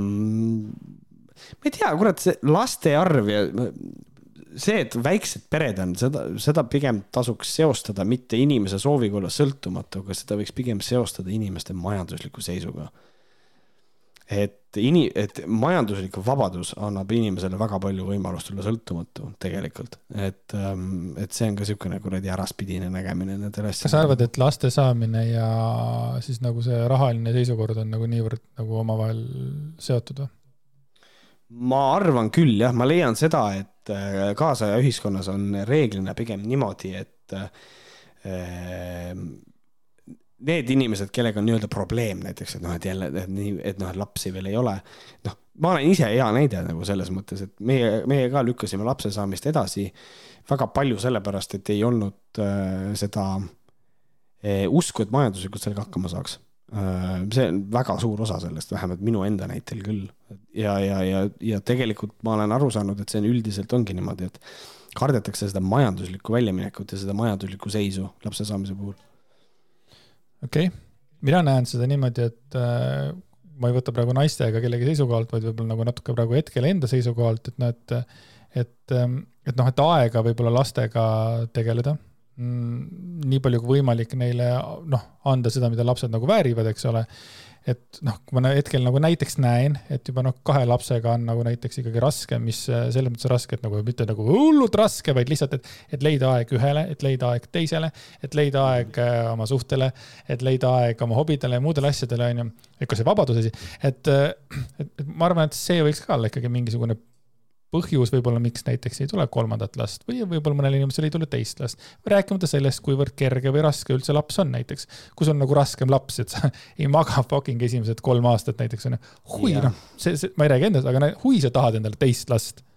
Nagu tegelikult ka või, et see on, see, see, see on ja. nii kuradi, see ei ole nii puhtalt äh, nagu niimoodi, nagu siin nagu arvatakse siin, et igalühel on ikkagi omad nagu mingisugused põhjused et ei ole ainult see, et tahan väikest äh, pere, et oleks mugavam, ei.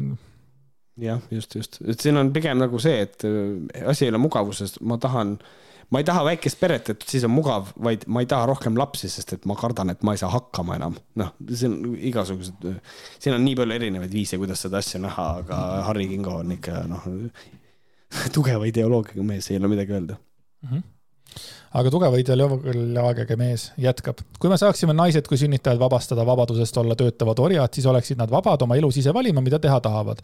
kes käivad, kas käivad tööl, õpivad neile meelepärast, leiavad mingi sobiva ja sotsiaalselt kasuliku tegevuse, pühendavad ennast ühiskonnale või oma kodule, perekonnale ja lastele esmaselt. Nende valikut ei piiraks sundseis. elus püsimise vajadusel orjatööd teha naised saaksid end realiseerida just nii, kuidas nad tahavad, see oleks nende vaba valik. sel juhul oleks kolm last paari kohta tavaline ja Eesti rahvaks või rahvas võiks kesta. Ehm....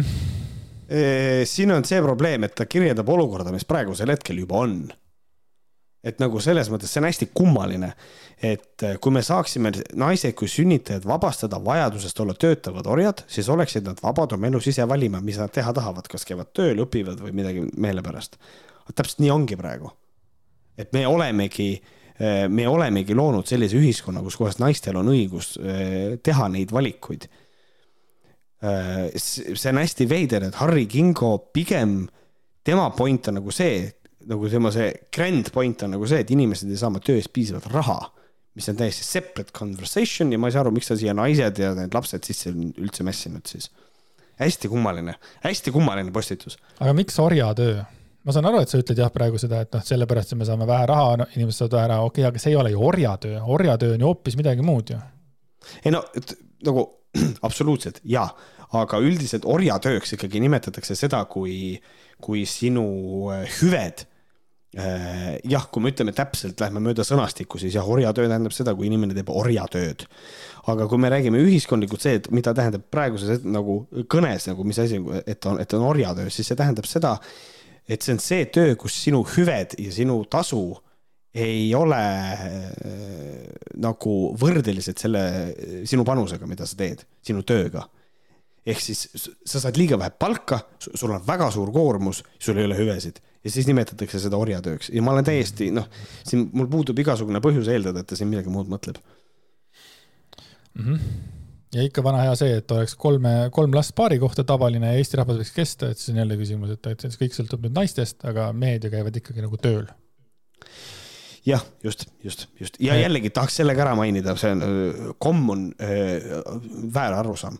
Kui iga paari kohta on kaks last, siis ka Eesti rahvas püsib, siis ta püsib stabiilselt ühena kogu aeg.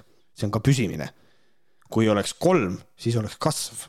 et noh, see no, lihtsalt nitpick, palun vabandust, aga noh, mul oli vaja seda teha ja Harri kohe hakkab lõpetama. tulemus on paratamatu eestlaste kadumine. pikemas perspektiivis kõikide nende rahvaste kadumine, keda toodud viis tunnust iseloomustavad.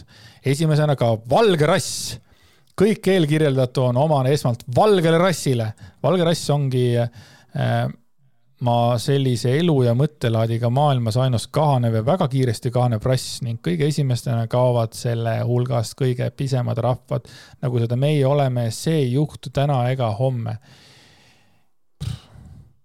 niisugune tunne, et tal jooksis kuidagi mõte kokku ja ta hästi kiiresti nagu lõpetas. see ei juhtu täna ega homme ja siis nagu ongi kõik. Äh, ühesõnaga, see on see. jah, see on see valge rassi väljasuremise narratiiv. ja, aga noh, selles mõttes me peame aru saama seda ka, et teatud ajaloolistel põhjustel on valge rass oluliselt teistsuguses, teistsuguses oludes, kui on, kui on muud rassid, et nagu selles mõttes. kuigi tegelikult olgem ausad, me võiks ikkagi vaadata Aasia poole, vaadata, kuidas seal sündimuste asjadega on, näiteks, näiteks Jaapanis, et mul tekib ikka küsimus, kas see on nagu valge rassi probleem, ma ei ole päris kindel, aga, aga ei tea. Harri Kingol on üks täiskasvanud poeg. lihtsalt infoks, et noh, ma sain teada küll midagi. ta on üks täiskasvanud poeg. et äh, võit edasi, tublit võitlust. naised on süüdi, et nii vähe on et Harri, kindlasti, sest et naine on sünnitaja, naine otsustab, kui palju lapsi ta ilmale toob. et just, äkki, äkki seal ongi mingisugune viha enda, ei, ma ei lähe sinna, lähme edasi, parem hüppame nüüd hoopis teise paati, milleks on täpselt sama paat, Facebook. ja seal täpselt samas paadis koos Harri Kingoga aerutab äh, Tõnn. Tõnn oli tuntud ka kunagi kui äh, linnapea, kui ma õigesti mäletan. Paltsi Tõnn jah ja., Tõnis Palts see on nüüd siis seoses äh, selle suure kuradi äh, uhhaa fopaaga seoses Tartu Ülikooli uuring ja kuidas siin Raul Eamets äh, oma tööst ilma jäi, ühesõnaga see sihtasutus Pere Sihtkapitali uuring üksikutele, üksikutele naistele, et oh bitch, miks sul lapsi ei ole, mis on nagu see, see asi. ja, ja siis, mis siis nagu juhtus, oli see, et noh, väga palju, väga palju kõlapinda sai kogu see uuring ja, ja selle, see kaasnev asi ja minul olid seal oma väga suured frustratsioonid seda asja jälgides ja kõike edasi. aga Palts postitas Facebooki äh, pildi Vilja Kiislerist, kes siis nõudis Pere Sihtkapitali äh, sellises arvamusloos äh, ütles, et Tartu Ülikool võiks äh, Raul Eametsa ametist vabastada ja Tõnis Palts otsustas, et nüüd on minu tähetund, läks Facebooki ja kirjutas sellise postituse. pildile kirjutatud fraasile naised, kes on äh, sünnitanud vähem äh, kui kolm last, lisas Palts, ei võiks sel teemal kriitiliselt sõna võtta ja kasutama ära mingisuguseid eksimusi oma poliitilise ja ideoloogilise vankri ees. see ei ole etteheide naistele et nad ei ole sünnitanud, sünnitamine on tõesti iga, iga, igaühe sügavalt isiklik asi. küll aga on see üleskutse omama empaatiavõimet oma isamaa suhtes, oma isamaa suhtes, mille suurim probleem on madal sündimus. õigeid inimesi otsivad lahendusi, poliitideoloogid otsivad omakasu, osad on aga lihtsalt kasulikud idioodid ja lähevad kaasa reformi poliitilise spinniga. nii, äh, nüüd on siis ma tahan kohe esimese asjana ära mainida, see ei ole etteheide neile naistele, et nad ei ole sünnitanud, sünnitamine on igaühe sügavalt isiklik asi. vaata, Tõnis, sinu argument on see, et kui inimesel, kui, kui, kui naisterahval on vähem kui kolm last, siis ta peaks oma suu kinni hoidma. ehk siis sa ütled seda, et sa ei tohi sellel teemal kaasa rääkida, põhjus, miks sa ei tohi kaasa rääkida, on see, et sul on liiga vähe lapsi. see on etteheide. sa võid öelda, et see ei ole etteheide, aga see on tegelikult etteheide sa teed etteheite, sul on liiga vähe lapsi ja selle alusel sul ei ole siin sõnaõigust. That's what this is, see on etteheide. Ehm, ja, ja, ja siis see üles, üleskutse, et jah, et noh, vaba ikkagi, et kas saate last või mitte. aga palun empaatiavõimet Isamaa suhtes. et noh, see on niisugune ikkagi noh, ikkagi nõme. väga nõme ja noh, ja viimane küsimus, et kas äh, see madal sündimus on meie nagu Eesti suurim probleem? ma räägin nagu päriselt, see suurim probleem või? just, just, just. lihtsalt igaks juhuks küsin, et. et siin äh,. aga tema on oma töö selles mõttes suurem? ära teinud, ta ei ole küll sünnitanud kolme last, aga tal on kuus last. just, just ja noh, meestel on üldse lihtsam, et, äh, et kogu see narratiiv, et naine otsustab ainult laste saamise üle ja seda äh, et äh, meestel on lihtsalt lebo, et äh, kui mehel ei ole lapsi või on tal ainult üks, siis ta ütleb alati, no aga mulle ei ole antud võimalust ongi kõik. et see on, et see on ikkagi jah, niisugune natukene nat-, natukene haige, aga noh, jällegi me jõuame sinna majandus, nagu majanduse küsimuse peale, et nagu, et, äh, et noh, tegelikult on ju ikkagi niimoodi, et kui, kas, kas me saame öelda, et meie kõige suurem probleem on madal sündivus? Võib-olla meie kõige suurem probleem on hoopis seotud majandusega ja kui see korda teha, siis sündimus läheb ise plõksti korda. et siin tasub nagu seda ka vaadata. ja ma tean, seda osad inimesed tahavad nagu öelda selle peale seda, et oota, Märt, aga vaesetes riikides, näiteks Aafrikas ja seal, et seal on sündimus väga kõrge. aga nad on vaesed seleta mulle ära, kuidas see võimalik on. seal on hoopis teine põhjus, miks lapsi saada. Eestis ka kunagi omal ajal saadi väga palju lapsi. miks? Sest et lapsed olid sisuliselt tasuta tööjõud kodus. lapsed olid need, kes aitasid koduseid töid teha. tänapäeval laste saamine tähendab hoopis midagi muud, kui ma elan linnas korteris ja ma saan lapse, siis nagu selles mõttes sure, ta aitab mind koduste töödega, aga ta on nagu, me nagu võime öelda seda, et ta on nagu natukene rohkem nagu tarbija. et nagu selles mõttes lapse kasvatamine ja lapse saamise eesmärgid on ikka, need on väga erinevad siin ühiskonnas ja siis kuskil kuradi Aafrikas, kus on nagu see, et nii, nüüd on selline variant, meil on vaja lapsi, sellepärast et see on nagu, see on nagu nendes riikides, kus on lapstööjõud, et siis on nagu konkreetne, kus kasutatakse lapstööjõudu, ongi nagu see, et pered saavad lapsi selle jaoks, et lapsi kasvatada, et nad saaks minna tööle ja tuua perekonnale raha sisse. et nagu see on, noh, me räägime nagu üks nagu, me räägime kahest täiesti erinevast maailmast nagu selles mõttes jah, aga kommentaariumisse ilmus äh, Liisa Oviir, kellel oli küsimus. Tõnis Palts, aga kuidas meestega on? Need tohivad sõna võtta alates esimesest lapsest, kolmandast ja kuidas külaseemendajatega, tead, teen uuesti, ja kuidas külaseemendajatega on, kes igasse tallu mõne jätavad enne edasiliikumist ja nendega, kes seemendavad, aga kuu, aga oma kohustusi ei täida. noh, seemendades riigi eest täidavad, aga elatist mitte makstes lapse eest mitte. kuidas selle empaatiaga siis ikkagi on? Ja Tõnis Palts kirjutas. loomulikult ka need mehed, kel on vähe lapsi, ei võiks sel teemal kritiseerida. NB, palun saage aru, et see ei ole kriitika nende suhtes, et neil vähe lapsi on. perse ei taha minna või? ei, aga mis niimoodi kohe alguses. ei, ei, ei need, kes äh, lapsi, kellel vähe lapsi, nemad ei tohiks ka midagi kritiseerida. aga saage aru, see ei ole, mida, kas ta nagu, kas ta trimpas või, mis juhtus? see on. Tõnis, mis juhtus? See on, mulle tundub, et see on hästi nagu, kuradi, igasugune kuradi EKRE ja Isamaa puhul on seda jube palju näha, on see, et inimestel on elust väga selge arusaam, mida ei ole mitte kunagi mitte keegi kahtluse alla seadnud. et inimesel on täiesti nagu selge arusaam sellest, et ähm, noh, mis iganes seisukohta mõni inimene omab ja et mul on kaks seisukohta ja need on omavahel täiesti risti vastu, nagu need noh, et see, et kui, kui ma ütlen need kaks mõtet järjest, siis ma saan aru, et kurat, mul on kaks tõekspidamist, mis on üksteisega ilmselgelt konfliktis. ja siis, kui keegi selle välja toob, siis tal tekib niisugune tore asi, mille nimi on motivated reasoning, mis on see, et inimene saab aru, mul on siin väga suur probleem ja siis ta üritab kuidagi mingit narratiivi pidi leida selle, et kuidas seda ära põhjendada. et siin on lihtsalt, mul on selline tunne, et ongi eh, konservatiivide seas on vist rohkem neid inimesi, kes ei ole dekonstrueerinud oma maailmavaadet. Nad ei ole dekonstrueerinud teiste inimeste maailmavaadet. et siin ongi nagu see probleem lihtsalt, et ta lihtsalt, ta ei saagi aru, mis mõttes, ei no loomulikult ma ei kritiseeri, tegelikult kritiseerid sa ei saa aru.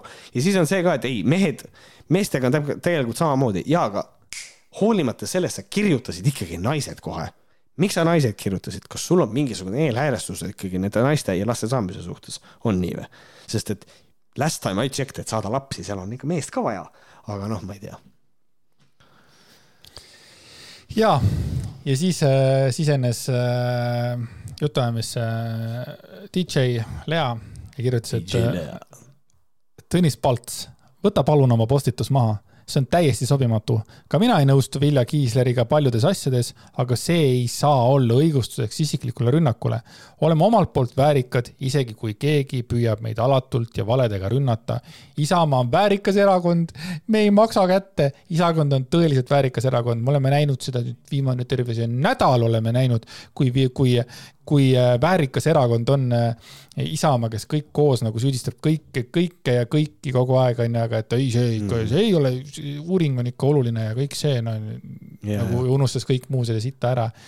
aga väga huvitav oli Vilja Kiisleri ja Lea Tõnisson, Danilson järgi intervjuu nagu äh, Delfis ja kui Vilja Kiisler küsis, et äh, Lea Danilsoni järgi käest, et äh, kas te olete teinud aborti. ta ei vastanud sellele küsimusele hmm,. okei okay.. lihtsalt. noh ja siis äh, juhtus uskumatu asi. Äh, Tõnis Palts võttis äh, kätte ja vabandas, võttis, noh, see ei ole vabandus küll, aga tegi uue postituse. vabandan kõikide naiste ees keda solvas minu liigselt tähelepanu saamiseks intriigile püstitatud postitus. postituse mõte oli juhtida tähelepanu sellele, et Euroopa kõige õrnem rahvusriigi peamine probleem on madal sündimus. nagu me juba rääkisime, me ei saa selles üldse nii kindlad olla. samas mainin, et olen põhimõtteline võrdõigusluse vastane meeste-naiste suhetes. minu meelest naistest tuleb oluliselt rohkem hoolida ja neid kaitsta kui mehi, sest nad on õrnemad ja ilusamad võtsin maha ka selle postituse, millele juhiti tähelepanu. eriliselt tänan Lea Danilson järgi, kes oma äh, printsipiaalsusega muutis, murdis minu kangekaelsuse. samas tunnen kaasa Raul Eametsale, kes langes osava Reformierakonna intriigi ohvriks. see võtab aega põlvkondi, kuid suund on üks ja seda muuta pole inimese võimuses. kus, mind väga huvitab see, kuidas kogu see kuradi suur bardakk on Reformierakonna töö kõik on. kõik on lihtsalt Refi süü alati. Reformierakonna intriig, see on EKRE jutt. Tõnis Palts, rahune maha. nagu mi, mis asja? ja kurb on see, et Raul Eamets on tegelikult tühistatud ka. Jah, tema, tema, tema seda ei, ei ütle, aga kõik teised ütlevad tema ütles ka. viimaseks teemaks äh, võtame ühe siukse huvitava asja nagu Üpsilonist viimaseks teemaks, enne kui me läheme teemade juurde. Eh, viimaseks teemaks, enne kui läheme teemade juurde. Eh, Üpsilonis eh, ilmus artikkel, mis kandis lahedat pealkirja Järveni efekt, kui karismast jääb puudu, siis graafikud ei aita. see on, see on hästi huvitav artikkel sellepärast, et siin on omajagu nagu, omajagu, omajagu nagu tõtt sees ja, ja, ja seda on hästi tore nagu lugeda ehk siis Üpsilonis eh, kuusteist august. Eh, ja tekst on järgnev.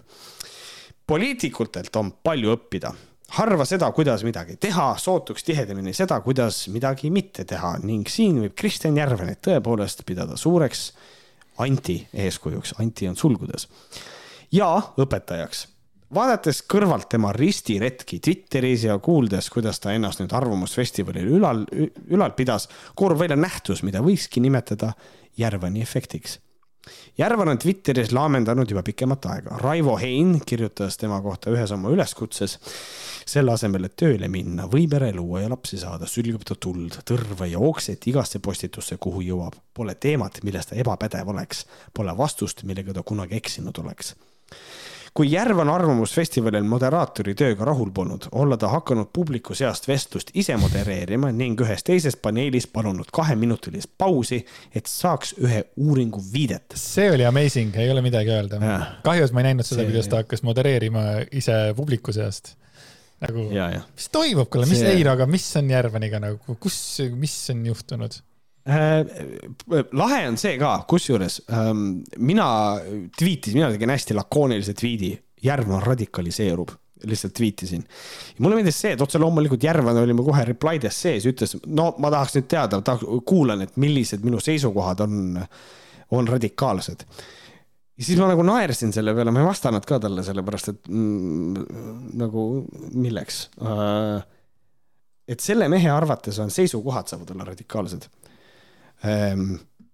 et aga tegelikult ei ole ainult seisukohad radikaalsed, vaid võib-olla ka nagu mingisugune käitumine on radikaalne. et nagu selles mõttes, kui sa oled näiteks, kui sa oled noh, ma ei tea, radikaalne tsentrist, sihukest asja vist ei ole olemas, aga sul on nagu see, et sa nagu selgelt ei, ma olen alati tsentris, ma olen alati tsentris ja siis sa näiteks ei kuula sotse ja EKRE-t, sa absoluutselt ei kuula, mida nad räägivad, seepärast sa oled täielikult nad välistanud enda jaoks. see on natukene radikaalne käitumine selles mõttes, et sa, sa, sa väldid mingit infomüra näiteks, no see on lihtsalt üks näide. et, et nagu selles mõttes, aga ma täiesti tõsiselt mõtlen seda, et Järvan natukene nagu radikaliseerub selle asjaga, ta on ise nagu vaadetelt parempoolne ja nagu sotsiaalselt nagu niisugune konservatiivsema maailmavaatega inimene. et tal on nagu radikaliseeruda küll, ta saab nagu oma käitumises radikaliseeruda, üks viis, kuidas radikaliseeruda, ongi nagu see, et arvamusfestivalil lihtsalt võtad moderatsiooni üle, ütled, kurat, siin on kõik on sitasti, mida siin räägitakse. segad vahele, noh, kõik need asjad, et mulle tundub, et ta on kuidagi hästi agressiivseks muutunud oma kogu selle asjaga, millega ta tegeleb. ja seoses selle uuringu teemadega, kui see asi välja tuli, siis minu arust ta lihtsalt ajas sitta suust välja Twitteris, ta ikka, ta ikka lihtsalt ütles täiesti suvalisi asju mingil hetkel. et nagu mul on ikka selline tunne, et nagu siin ikka mingisugune, mingisugune ämber siin nagu on. et mingi jama on nagu toimub, et nagu kuidagi hästi agroks on ta minu arvates muutunud, et see on nagu minu selline kõrvaltvaataja pilgu läbi, mina leian, et see on nii. kui ei teaks, mida ta ütles, siis ma oleks arvanud, et ta ütles täitsa suvalisi asju, kirjutas ämber, hobune. ämber, ämber, hobune ei noh, siuksed snarkid vastused ja, ja, ja nagu midagi sellist, aga noh, jah, eks siin võib-olla ta ise tahaks ennast vabandada sellega, et tema saab snarkisid kommentaare, siis ta vastab ka snarkilt, aga, aga siis sa oled ju samasugune siin tekib lihtsalt see probleem. aus mm,. rohkem kui ühel inimesel on jäänud Järvanist suhu õudselt halb maitse. sest nad on kannibalid vabandust Eesti nüüdiskeeles võiks öelda lihtsalt, et Järvanil on ilgelt sitt vibe. Äh, Eesti nüüdiskeeles siis peaks ütlema mitte vibe, aga võbe, sest eestikeelne vaste on võbe äh, sealhulgas ka siin kirjutaja arvates jääb arusaamatuks, miks käitub niimoodi poliitik, kelle kapital põhineb valijate häältel, viimasel valimistel kolmsada kuuskümmend seitse häält, Twitteris püsib läbivalt paari üksiku laigi territooriumil ta ei tee teenet ei oma erakonnale ega ka läbi viidud pensionireformile või üldsuse teavitamisele demograafilisest kriisist. oma väidete tõendamiseks jagab Järvan teadusartikleid ja nendesse hõlmatud graafikuid, millest on saanud omamoodi meem. andmed, teadus, värvilised tulbad ja jooned, need peaksid ju veenma igat tervemõistuslikku inimest meil on ühiskonnas arvestatav hulk inimesi, kes eiravad teadust ja mõtlevad oma peaga. see segment on väike, kuid vali, koosnedes peamiselt Facebooki kommentaariumites karjuvatest vandenõuteoreetikutest, kellega võib kohtuda teatud sorti meeleavaldustel ja kohvikus Memcafe. Uh.. aga kui kontekstis on Kristjan Järvan, kasvab see segment ekspansionaalselt ka muidu normaalsed ja intelligentsed inimesed lõpetavad mõtlemise ja ignoreerivad teaduslike uuringute tulemusi. emotsioonid allutavad mõtlemise. ratsionaalselt ja loogiliselt lähenedes tuleks järeldada, et teatud teemadel on Järvanil tõepoolest faktiliselt õigus, kusjuures mitte ainult sellepärast, et ka seisev kell näitab ööpäevas kaks korda õiget kellaaega, vaid sellepärast, et andmed ja teadus ning et kaalutletud intelligentsed otsused peavadki tuginema uuringutele ja nende tulemustele. Siit koorubki välja Järvani efekt, mida defineeriksin nii. kui inimesel on õigus ja samas sitt vaib, näevad kõrvalseisjad ainult sitta vaibi võib-olla sellepärast rõhutataksegi avaliku esinemise puhul vajadust karisma järele. siit võib tuletada väikese moraaliõpetusliku printsiibi. õigus ei anna sulle õigust olla jorss ja see on tegelikult, see on nagu selles mõttes, äh, mulle meeldis et äh, Järvan ise nagu jagas seda ka ja just see, et äh, ta vist tõi välja selle koha, et kõrvalseisjad näevad ainult sitta vaibi. aga ta vist ei saa aru sellest, et tüüd, et tegelikult see artikkel paneb sulle ka puid all, et sul on sitt vaib, sul võib olla õigus, aga sul on nii sitt vaib, et sa ei suuda nagu, sa ei suuda ennast kehtestada aga siin on ka see kriitika, tõepoolest ja noh, teadustööd, asjad ja huvitav kas Twitteris keegi, kas keegi on neid lugenud ka või? et nagu selles mõttes, et äh, kõige lihtsam viis oleks alati kritiseerida kasvõi metoodikat, kasvõi nagu valimi suurust, kõiki neid asju, eks ole, see on siuke hea, hea lihtlabane asi. valimi suurus on alati asi, mille kallal võib muidugi ilkuda. aga just nimelt nagu see, et, ähm, et, äh, et noh, millegipärast neid graafikuid ja asju ja kõiki neid, et ega inimesed ei lasku. Twitter on nagu see koht, kus inimestel on see, et ma postitan ja mul on õigus ja kui Järvan on all ütleb, et sul ei ole õigus, siis vastus on sisuliselt see, et ei noh, tegelikult sa eksid, sest et mul on ju õigus. et Twitter on nagu see koht, et see kriitika on iseenesest tegelikult äh, väga kohane, ma nagu saan sellest väga hästi aru. ja, ja olgem ausad, see on tegelikult selline asi, mida me kõik tahame endale, või tähendab, ei taha tunnistada, aga see kõik niimoodi on. kui sulle lingitakse teadustöö, mida ütleb sinu nagu, nagu oponent ja lingib sulle teadustöö, mis lükkab sinu argumendi ümber siis on väga sitt tunne. ja see ja, ja inimene kaitseb ennast selle tunde eest sellega, et ta näeb linki ja ta ei klikka sinna peale, sest et ta kardab, et tal ei ole õigus. et siin nagu siukseid asju on. Ehm, et, ähm, et jah, see on iseenesest tore, aga see paneb ka Järvanile puid alla, see artikkel selles mõttes ja see on nagu tore asi, ma leian, ma, ma, ma nagu loodan, et Järvani efekt on asi, mis nagu äh, läheb ikkagi Eesti kultuuriloo, kultuurilukku sisse, et kui kellelgi on Järvani vibe, siis me teame, mis see tähendab. ja, aga äh, kui Märt ütles, et äh, see on viimane teema ja mina ütlesin, et ei, siis me läheme õigete teemade juurde, siis tegelikult Märdil oli peaaegu õigus, sest me ei lähe enam teemade juurde, vaid me läheme juba kosmosesse me põhimõtteliselt läheme kosmosesse teemad teemadeks, vaid nüüd me läheme, astume sellisele pinnale, kus tegelikult ka võib-olla Järvan on olnud, Järvan on olnud, võib-olla ei ole. näiteks me jõuame lapsepõlvetraumadeni. Äh, lapsepõlvetraumad, tähelaps, Aura Sooma seminar teine september äh, oli siis selline asi tulekul, tähendab, on siiamaani tulekul, et äh, kui sa kolmandal septembril näed, siis on sul putsis, aga praegu veel on võimalus.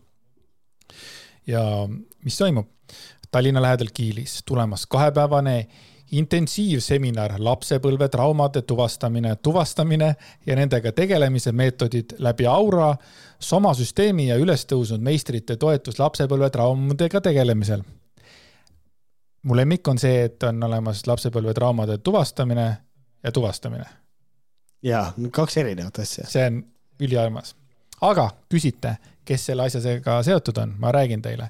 seminari viib läbi rahvuli, rahvusvahelise Aura Sooma õpetaja Olga Blinker-Pleit ja vene keeles eesti keelde tõlkimisega eh, Olga pilgutav plaat on väga lahe nimi. mis eesti keeles see kõik kirjutatud on, Andres seda ma räägin. seminari, seminari viib läbi rahvusvaheline Aurasoma õpetaja Olga Blinker-Pleit ja vene keeles eesti keelde tõlkimisega okay.. aga see, see ei ole veel kõik, Märt, oota see on alles algus.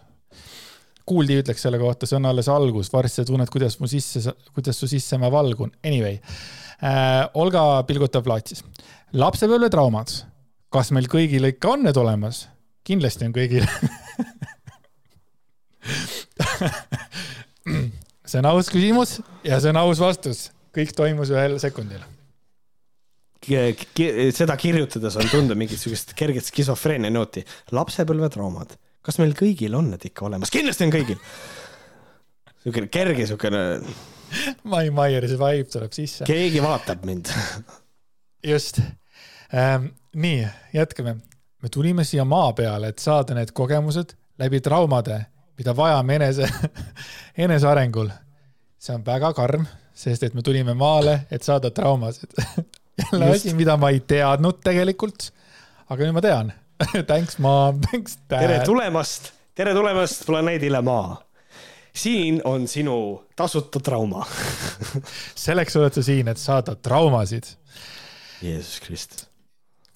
Just, näiteks kui teil on loen uuesti. näiteks, kui teid on lapsena alati hirmutatud ja maha tehtud, siis hakkate täiskasvanuna kõigest hingest kõigile tõestama, et te olete austust väärt ja saavutate karjääris edu.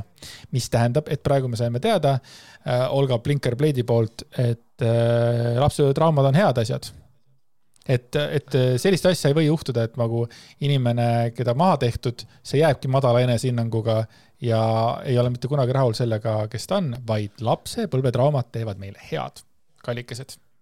türa, kas see on niimoodi mõeldud see on ikka päris fucking putsis ju, sorry, vabandust. see on ikka päris, see on ikka päris räme. see on ikka päris fucking putsis. Olga Blinker-Pleits, kallid sõbrad. nii, aga kuulete, tahate teada, tahate teada, Märt, mis on ainus häda või? nii.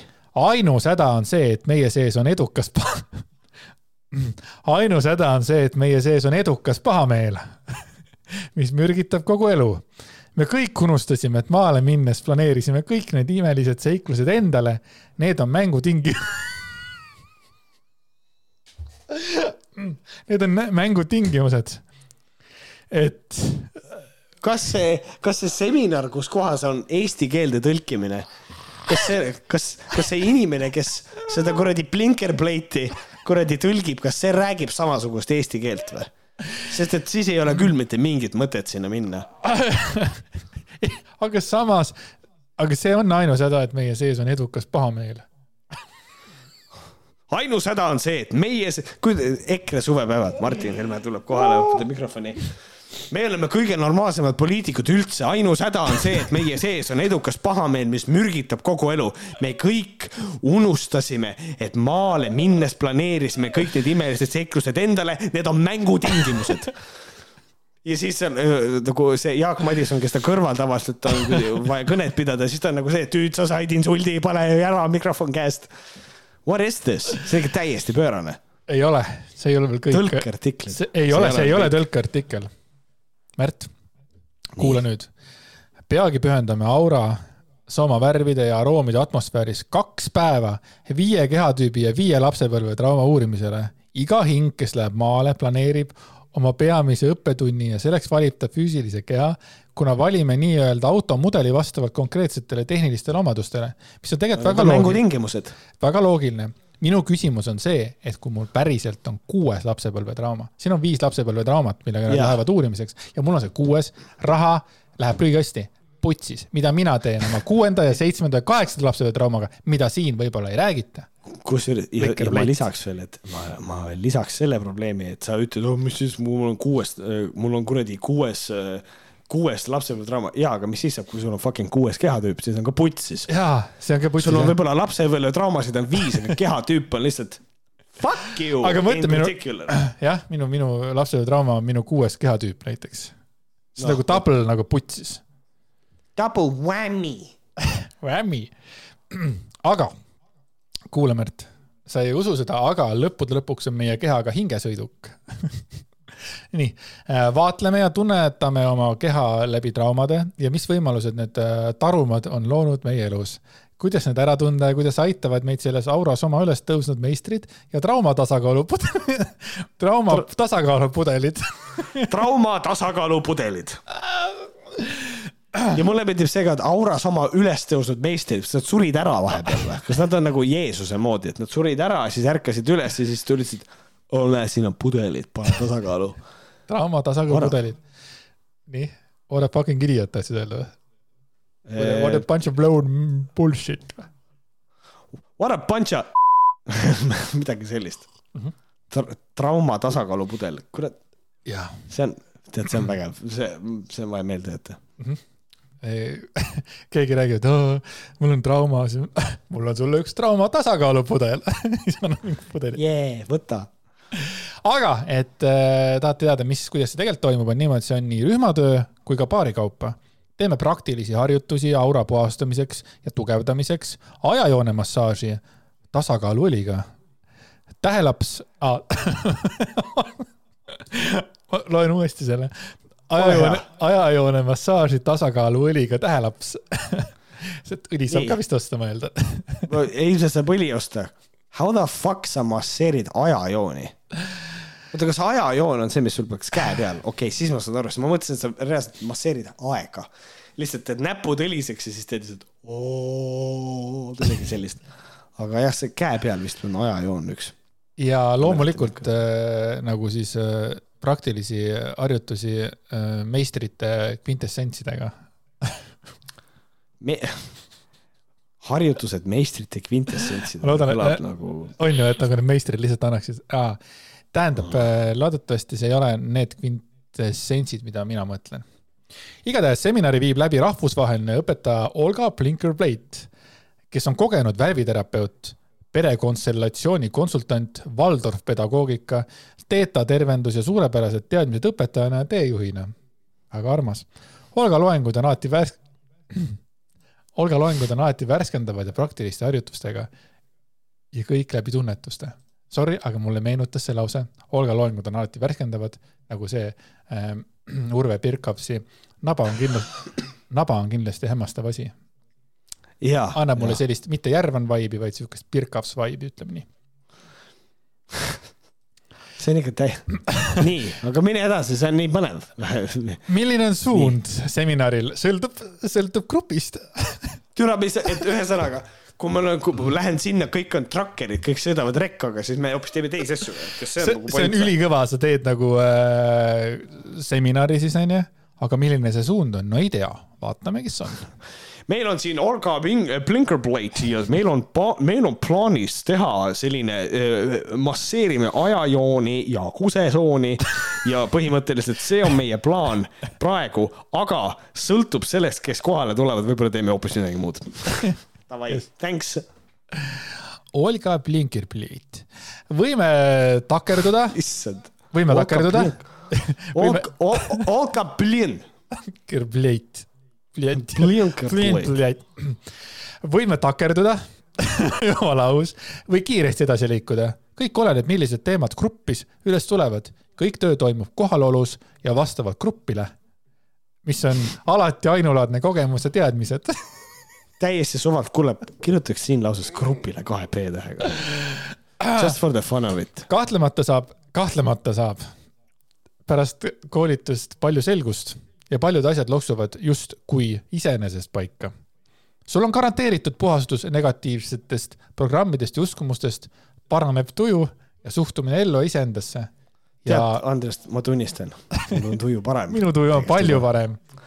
see on, see on väga kõva. aitäh, Olga Blinker-Pliit.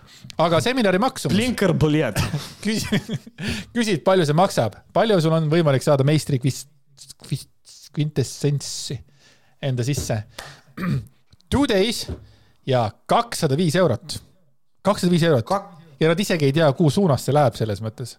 jah. Never know. maksad vaata. ära, maksad raha ära, kuule, mis seal toimus, oi plinn, see oli hoopis, läks, see läks teist, läks hoopis teist suunda, tuli orga plinn, ja tuli ja tegi hoopis teistmoodi, tegi meil, tegi meil, tegi meil äh, seda massaaži hoopis keele peal. et noh, igasuguseid asju, aga siin on väikene tüng kas tõesti see maksab kakssada viis eurot, on küsimus. ja registreerimistasu viiskümmend viis eurot, mis on tagastamatu, kui olete, kui ei ole teatanud üks nädal ette. nii, ehk siis tegelikult kakssada kuuskümmend eurot, aga üks väikene asi ka, et äh, tavaliselt on niimoodi, et hea küll, registreerimistasu ja sa ei saa seda tagasi, kui sa ei ole teatanud rohkem kui nädal aega ette. okei okay,, kui sa viimasel nädalal teatad, sa ei saa raha tagasi. okei okay aga siis me kirjutamegi niimoodi, et kui ei ole teatanud vähemalt nädal ette.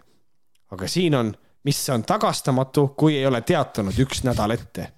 mis tähendab seda, et kui ma pean nagu hästi täpselt, kui ma ei lähe, ma pean täpselt nädal aega enne seminari ütlema, et ma ei lähe. siis kui ma ütlen kaks nädalat, siis see ei ole nädal ette ja siis ma pean ikkagi selle rahast käed puhtaks pühkima, I guess. karm värk, karm värk kohtade arv on piiratud ja osaleid maksimaalselt kümme inimest. minu arvates see on veits äh, kurb tegelikult, et nad teenivad ainult kaks tuhat, noh, sinu loogika järgi siis kaks tuhat kuussada eurot on ju yeah.. jaga kahega, see on siis tuhat kolmsada on ju, seal tulevad mingid kulud Blinker Blade'ile, mingid kulud ka veel, tegelikult on, see ei ole nagu noh, see ei ole mingi suur teenistus, ainult mingi tonn yeah., mingi siit. läbi mõtlemata.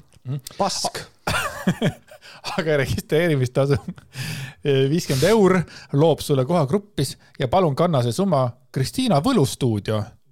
oot-oot-oot-oot, tuttav nimi hm,, lähme vaatame edasi. ülejäänud summa saad tasuda kohapeal sularahas või kui vajad arvet, siis anna märku. no ikka on tore. parkimine on Kiilis tasuta ja kõik info, mis äh, vajalik kohaletulekuks, saadetakse kõigile osalejatele privaatselt. seminar on vene keeles eesti keelde tõlkega. korraldab ja tõlgib Kristiina Kärkanen. kust ma seda nime tean? küll, kus ta võib olla? ta küll, tuttav nimi on, tuttav nimi. kas, kas ta on, kas ta on Eestist pärit? ta võib olla, võib olla välisriigist. Rootsist? pigem Rootsist pigem Rootsist. ja, ja, ja, ja, ja ma, aa, ma tean, ma ju kuulasin kunagi ühte saadet Käbi ei kuku ja seal oli Kristiina Kärkanen koos oma pojaga. ta nimi oli aa. Ants Kärk, ei, Ants Rootslane aa, no näed. ja, ja, ja ülikõva ja nüüd ma noh, see on nagu ja selles mõttes, et korraldab ja tõlgib Kristiina Kärkanen. aitäh, Kristiina, selle tõlke eest juba praegu. see on juba tegelikult tase omaette. et see on kõva. et, et nagu siin on praegu ära kinnitatud jah, et, et korraldab ja tõlgib, et kui see on sinu tõlgitud, siis we are in for a bad time, kui tuleb orga blin-bled. siis on, siis on, siis on asi ikka väga pahasti tegelikult ei, asi ongi pahasti selles mõttes. aga jah, kolmkümmend üks oktoober kaks tuhat kakskümmend üks, äh, Käbi ei kuku, võite Vikerraadiost üles otsida mm,. ema-poja saate. aga ega selles mõttes äh, kõik ei ole veel läbi. meil on küll siin tegelikult Kristiina Kärkanen, kellel on probleeme tõlkimisega, aga ta toob meile naeratuse näole. aga see-eest on meil üks palju toredam venelane, kes kunagi oli hoopis teise nimega, aga praegu on tema nimi Aleksis Varnum. Aleksis Varnum. Varnum. Nii, Aleksis Varnum äh, toob meieni, noh, kes, kes ei teadnud, Aleksis Varnum on kanaldaja. Ma tean veel mõnda kanaldajat.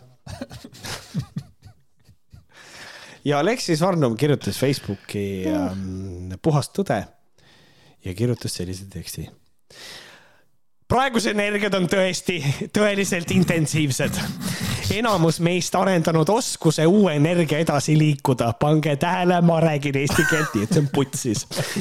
ma kordan eelmist lauset. enamus meist arendanud oskuse uue energia edasi liikuda. tuleb õppida seda tegema, kui soovid mõista toimuvaid protsesse ja läbida neid kergemalt. transformatsiooni sümptomid, mida me praegu võime tunda. koolon, väsimuse hood, kui lihtsalt pead pikali heitma, võivad ilmuda tavaliselt päeva teises pooles. kui kuuled oma keha, selgub, et pole tegelikult vaja magada, vaid lihtsalt pisut oota, puhata. oota, see on liiga, see on liiga intensiivne. Need energiad on tõesti intensiivsed. kusjuures enne ma ei uskunud seda intensiivset energiate värki nii palju, aga nüüd ma usun, sest see on intensiivne. alustame kohe sellest ta ütleb, et enamus meist arendavad oskuse uue energia edasi liikuda. Esimene küsimus, kuidas ja teine küsimus, miks mitte kõik? ma jään selle Jaa. küsimuse ju juurde. nii, transformatsioon, transformatsiooni sümptomid, mida võime tunda. väsimushood, kui lihtsalt pead pikali hoidma, võivad ilmuda tavaliselt päeva teises pooles uskumatu jah, päeva teises pooles võib-olla oled väsinud, täitsa perses, ma pole enne kuulnud, see on tegelikult hämmastav. ööhakul hakkab uni tulema, oi nüüd mul on küll transformatsioon toimumas. ja kui. ja siis ka, et kui kuuled oma keha, mis on, kui kondid ragisevad või, et ei tea, ei saa aru. siis äh, selgub, et pole vaja tegelikult magada, vaid lihtsalt pisut puhata aga kui sa ei kuule oma keha, siis jääd kohe magama siis või? aga Midagi... kohe saame teada. sellist eh,. oota, ma kohe jätkan. üks moment, nii, kohe olen valmis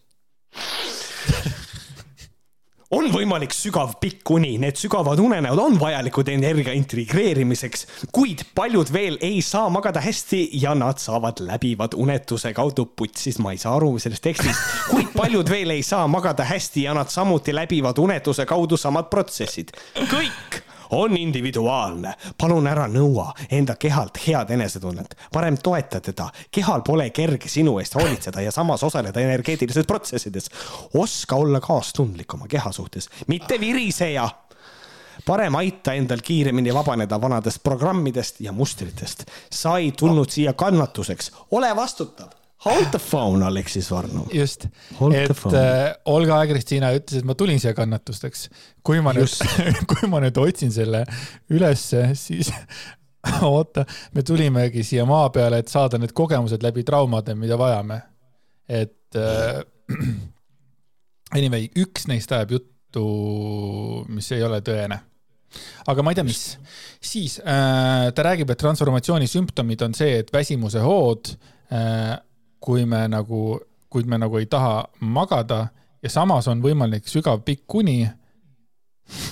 et eh, kuid paljud veel ei saa magada ja nad samuti eh, läbivad unetuse kaudu samad protsessid, siis nahku sa sellest üldse kirjutad, magad või ei maga, protsessid läbivad, aga kuidas, aga eelnevalt ütlesid, et nagu enamus meist arendavad, aga nüüd, aga nüüd on niimoodi, et nagu, aga kehal pole su kerge eest hoolitseda, tõesti ei ole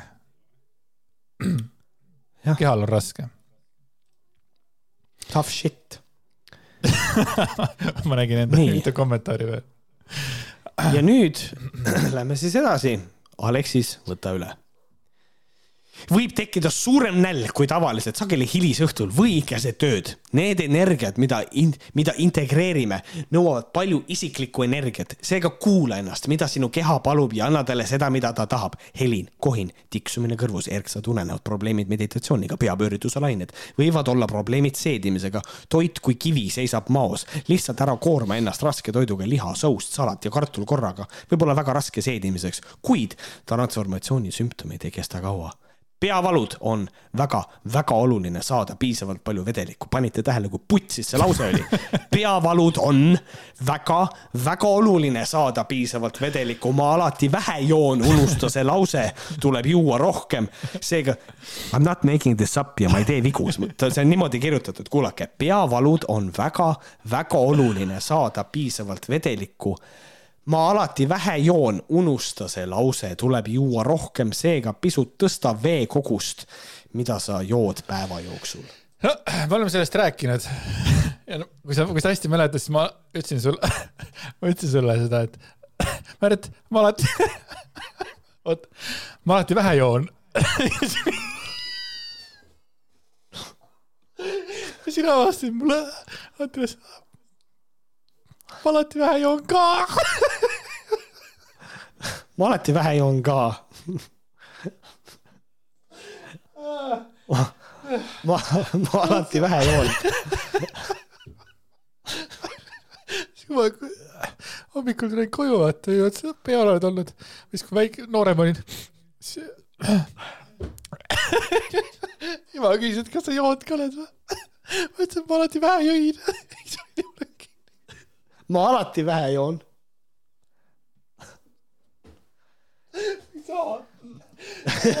mulle meeldib, mulle meeldib see, et võhkarid tavaliselt jooksevad nagu kõige veidramate kohtade peal täielikult perse lihtsalt see nagu lihtsalt things, things that kill Andreas. Mai Maiersi karjumine ja ma alati vähe joon. kujutage nüüd ette, kui need kaks asja omavahel kokku saavad. Mai, kuule, kas sa oled ennast täiesti täis joonud? ma alati vähe joon see on nagu see, et võib, võib tekkida suurem nälg kui tavaliselt sageli hilise, hilisõhtul või keset tööd. ja siis ütleb, et kuula ennast, mida sinu keha palub ja anna talle seda, mida ta tahab. ja siis hakkab see helinkohine tiksumine kõrvus, erksad unenäod, probleemid meditatsiooniga, peapööritused, lained, võib-olla probleemid seedimisega, toit kui kivi Jesus fuck, peavalud on väga-väga oluline. see ei ole reaalne, mis toimub? toit kui kivi on maos kinni mis siin toimub? vesi ei tule läbi, kuigi sa alati vähe jood ma alati vähe joon oh,. nii, aga Aleksis, lähme edasi miski võib nagu korraks ehmatada, rohkem märkad ilu ja jääd midagi imetlema. vajadus, miski, oota korra, miski võib nagu korraks ehmatada, rohkem märkad ilu ja jääd midagi, ühesõnaga täiesti, täiesti vabade assotsiatsioonide meetodil kirjutatud tekst. vajadus oma eluruumi koristada ja puhastada, sa nagu ei teagi, kuhu lähed või mida pead tegema, kuid sisemiselt tunned, et midagi väga suurt on varsti tulemas. see on tavaliselt siis, kui ma olen söönud mingisugust hästi vürtsikat toitu. täpselt sama tunne ma nagu päris kindel ei ole, mis toimuma hakkab ja midagi väga suurt on varsti tulemas. planeedil toimuvad magnetismi muutused, nii palju energeetilist kõikumist toimub, et paneb sind mõtlema, et sa oled hulluks minemas, kuid see pole nii. oleme selleks sündinud. selleks me oleme sündinud, et sa teaksid. me oleme, me oleme tegelikult kõigeks selleks sündinud, lihtsalt, et meil oleks jube sitt olla, sellepärast et magnetiväljad on kuradi pekkis mm. -hmm kõik, mida me läbime, aitab meil arendada oskusi, mis on vajalikud kõrgemates energiades eksisteerimiseks. luba endale lihtsalt olla, ole uudishimulik ja uuri. ainus viis oma elu täieliku jõuga juhtida, sõltumatu sellest, mida energiat teevad, lihtsalt teha, on kõrgem valik ükskord siin praegu. see on mingi see on midagi, mida me kõik saame teha. üks asi, mida mina saaks teha, on eesti keele kursus. sama, saadan sulle palju armastust ja toetust. me ju me ju läbime kõik meiega toimuvad protsessid koos ja oleme selle tee esmaavastajad. Aleksis Varnum, kaks tuhat kakskümmend kaks vist, kui ma ei eksi, vist eelmise aasta tekst. oota, valetan, kaks tuhat kakskümmend kolm. on. ma olen ise siia valesti kirjutanud, seitseteist august kell üheksa kakskümmend neli, aga kirjutas ta selle. kaks tuhat kakskümmend kolm, näete. sihuke aga..., sihuke tore tekst. just see yes., et luba endale lihtsalt olla, ole uudishimulik ja uuri kuidas? kõrvus kohiseb, väsimushood, söön öösiti, mul on peavalud, joo vett ja, ja ma ei tea, kuhu ma lähen, mida vittu ma teen, nagu mis toimub, onju. aga Aleksis Varnumi siin postise all on kommentaar äh,. Virve viies on kirjutanud, kõrvus vahest tiksub, ühest paremast kõrvast siis kaob. muid tunnuseid ka. Praying emoji aga üldiselt kirjutavad talle kommentaaridena alla ikkagi äh, aitäh, tänan, tänan, tänan, tänud, tänan, tänan, thank you, tänan, tänan, mina tänan, tänud, aitäh, aitäh, oota. Virve IS kirjutas veel, sain rahuneda seda postitust lugedes, sümptome on sarnaseid, suur aitäh aitamast aru saada, mis ja miks on selline tunne aeg olemas. kakskümmend üheksa jagamist. kakssada kolmkümmend neli laiki. asju toimub mm. -hmm. võimas oli.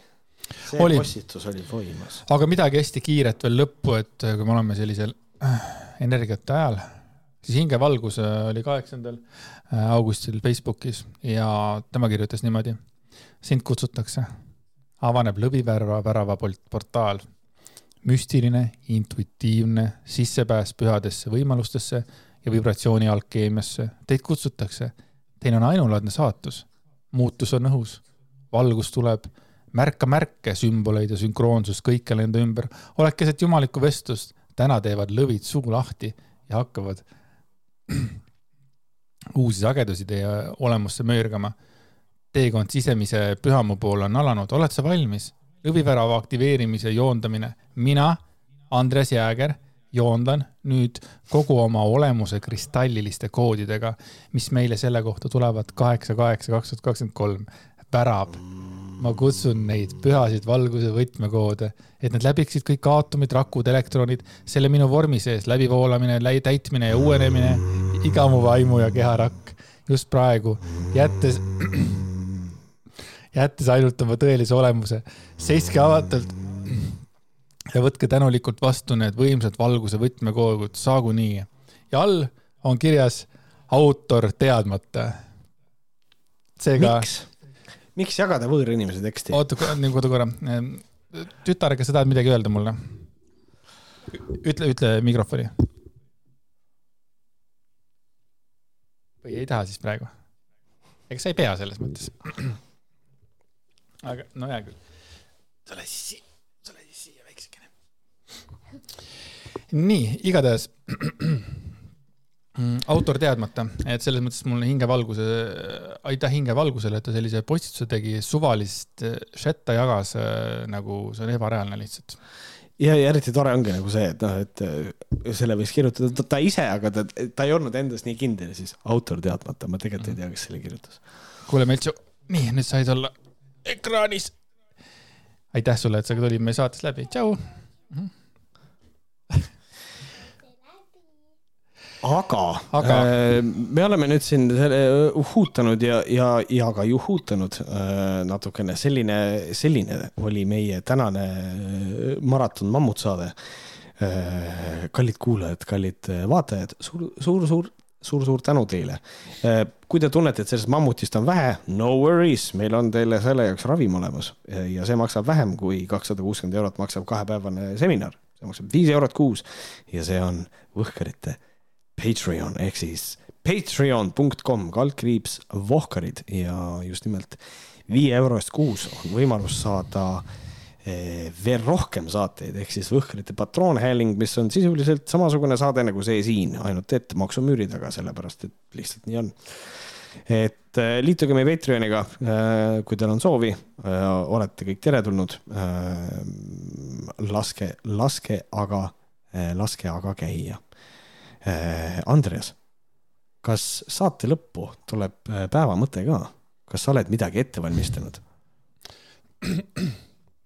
tead, mis või? ei ole, aga Peeter Ernitsal on üks mõte. okei okay., milline, milline on Peeter Ernitsa mõte? skisofreeniline hommik täna algul lugesin Ekspressis Teaduste Akadeemia president Tarmo Soomere kinnitust, et on räige vale süüdistada Pere Sihtkapitali poliitilises kallutasuses. kohe seejärel vaatasin, kuidas mu endine tubli kolleeg Maris Lauri üritas seda ometi teha, maakeeli öeldes üritas partei asja kõvaks ajada. ei õnnestunud, räägitakse, et Maris on vanatüdruk, kuid see pole praegu oluline. aitäh teile, kohtume järgmine kord. tšau. Davai, tšau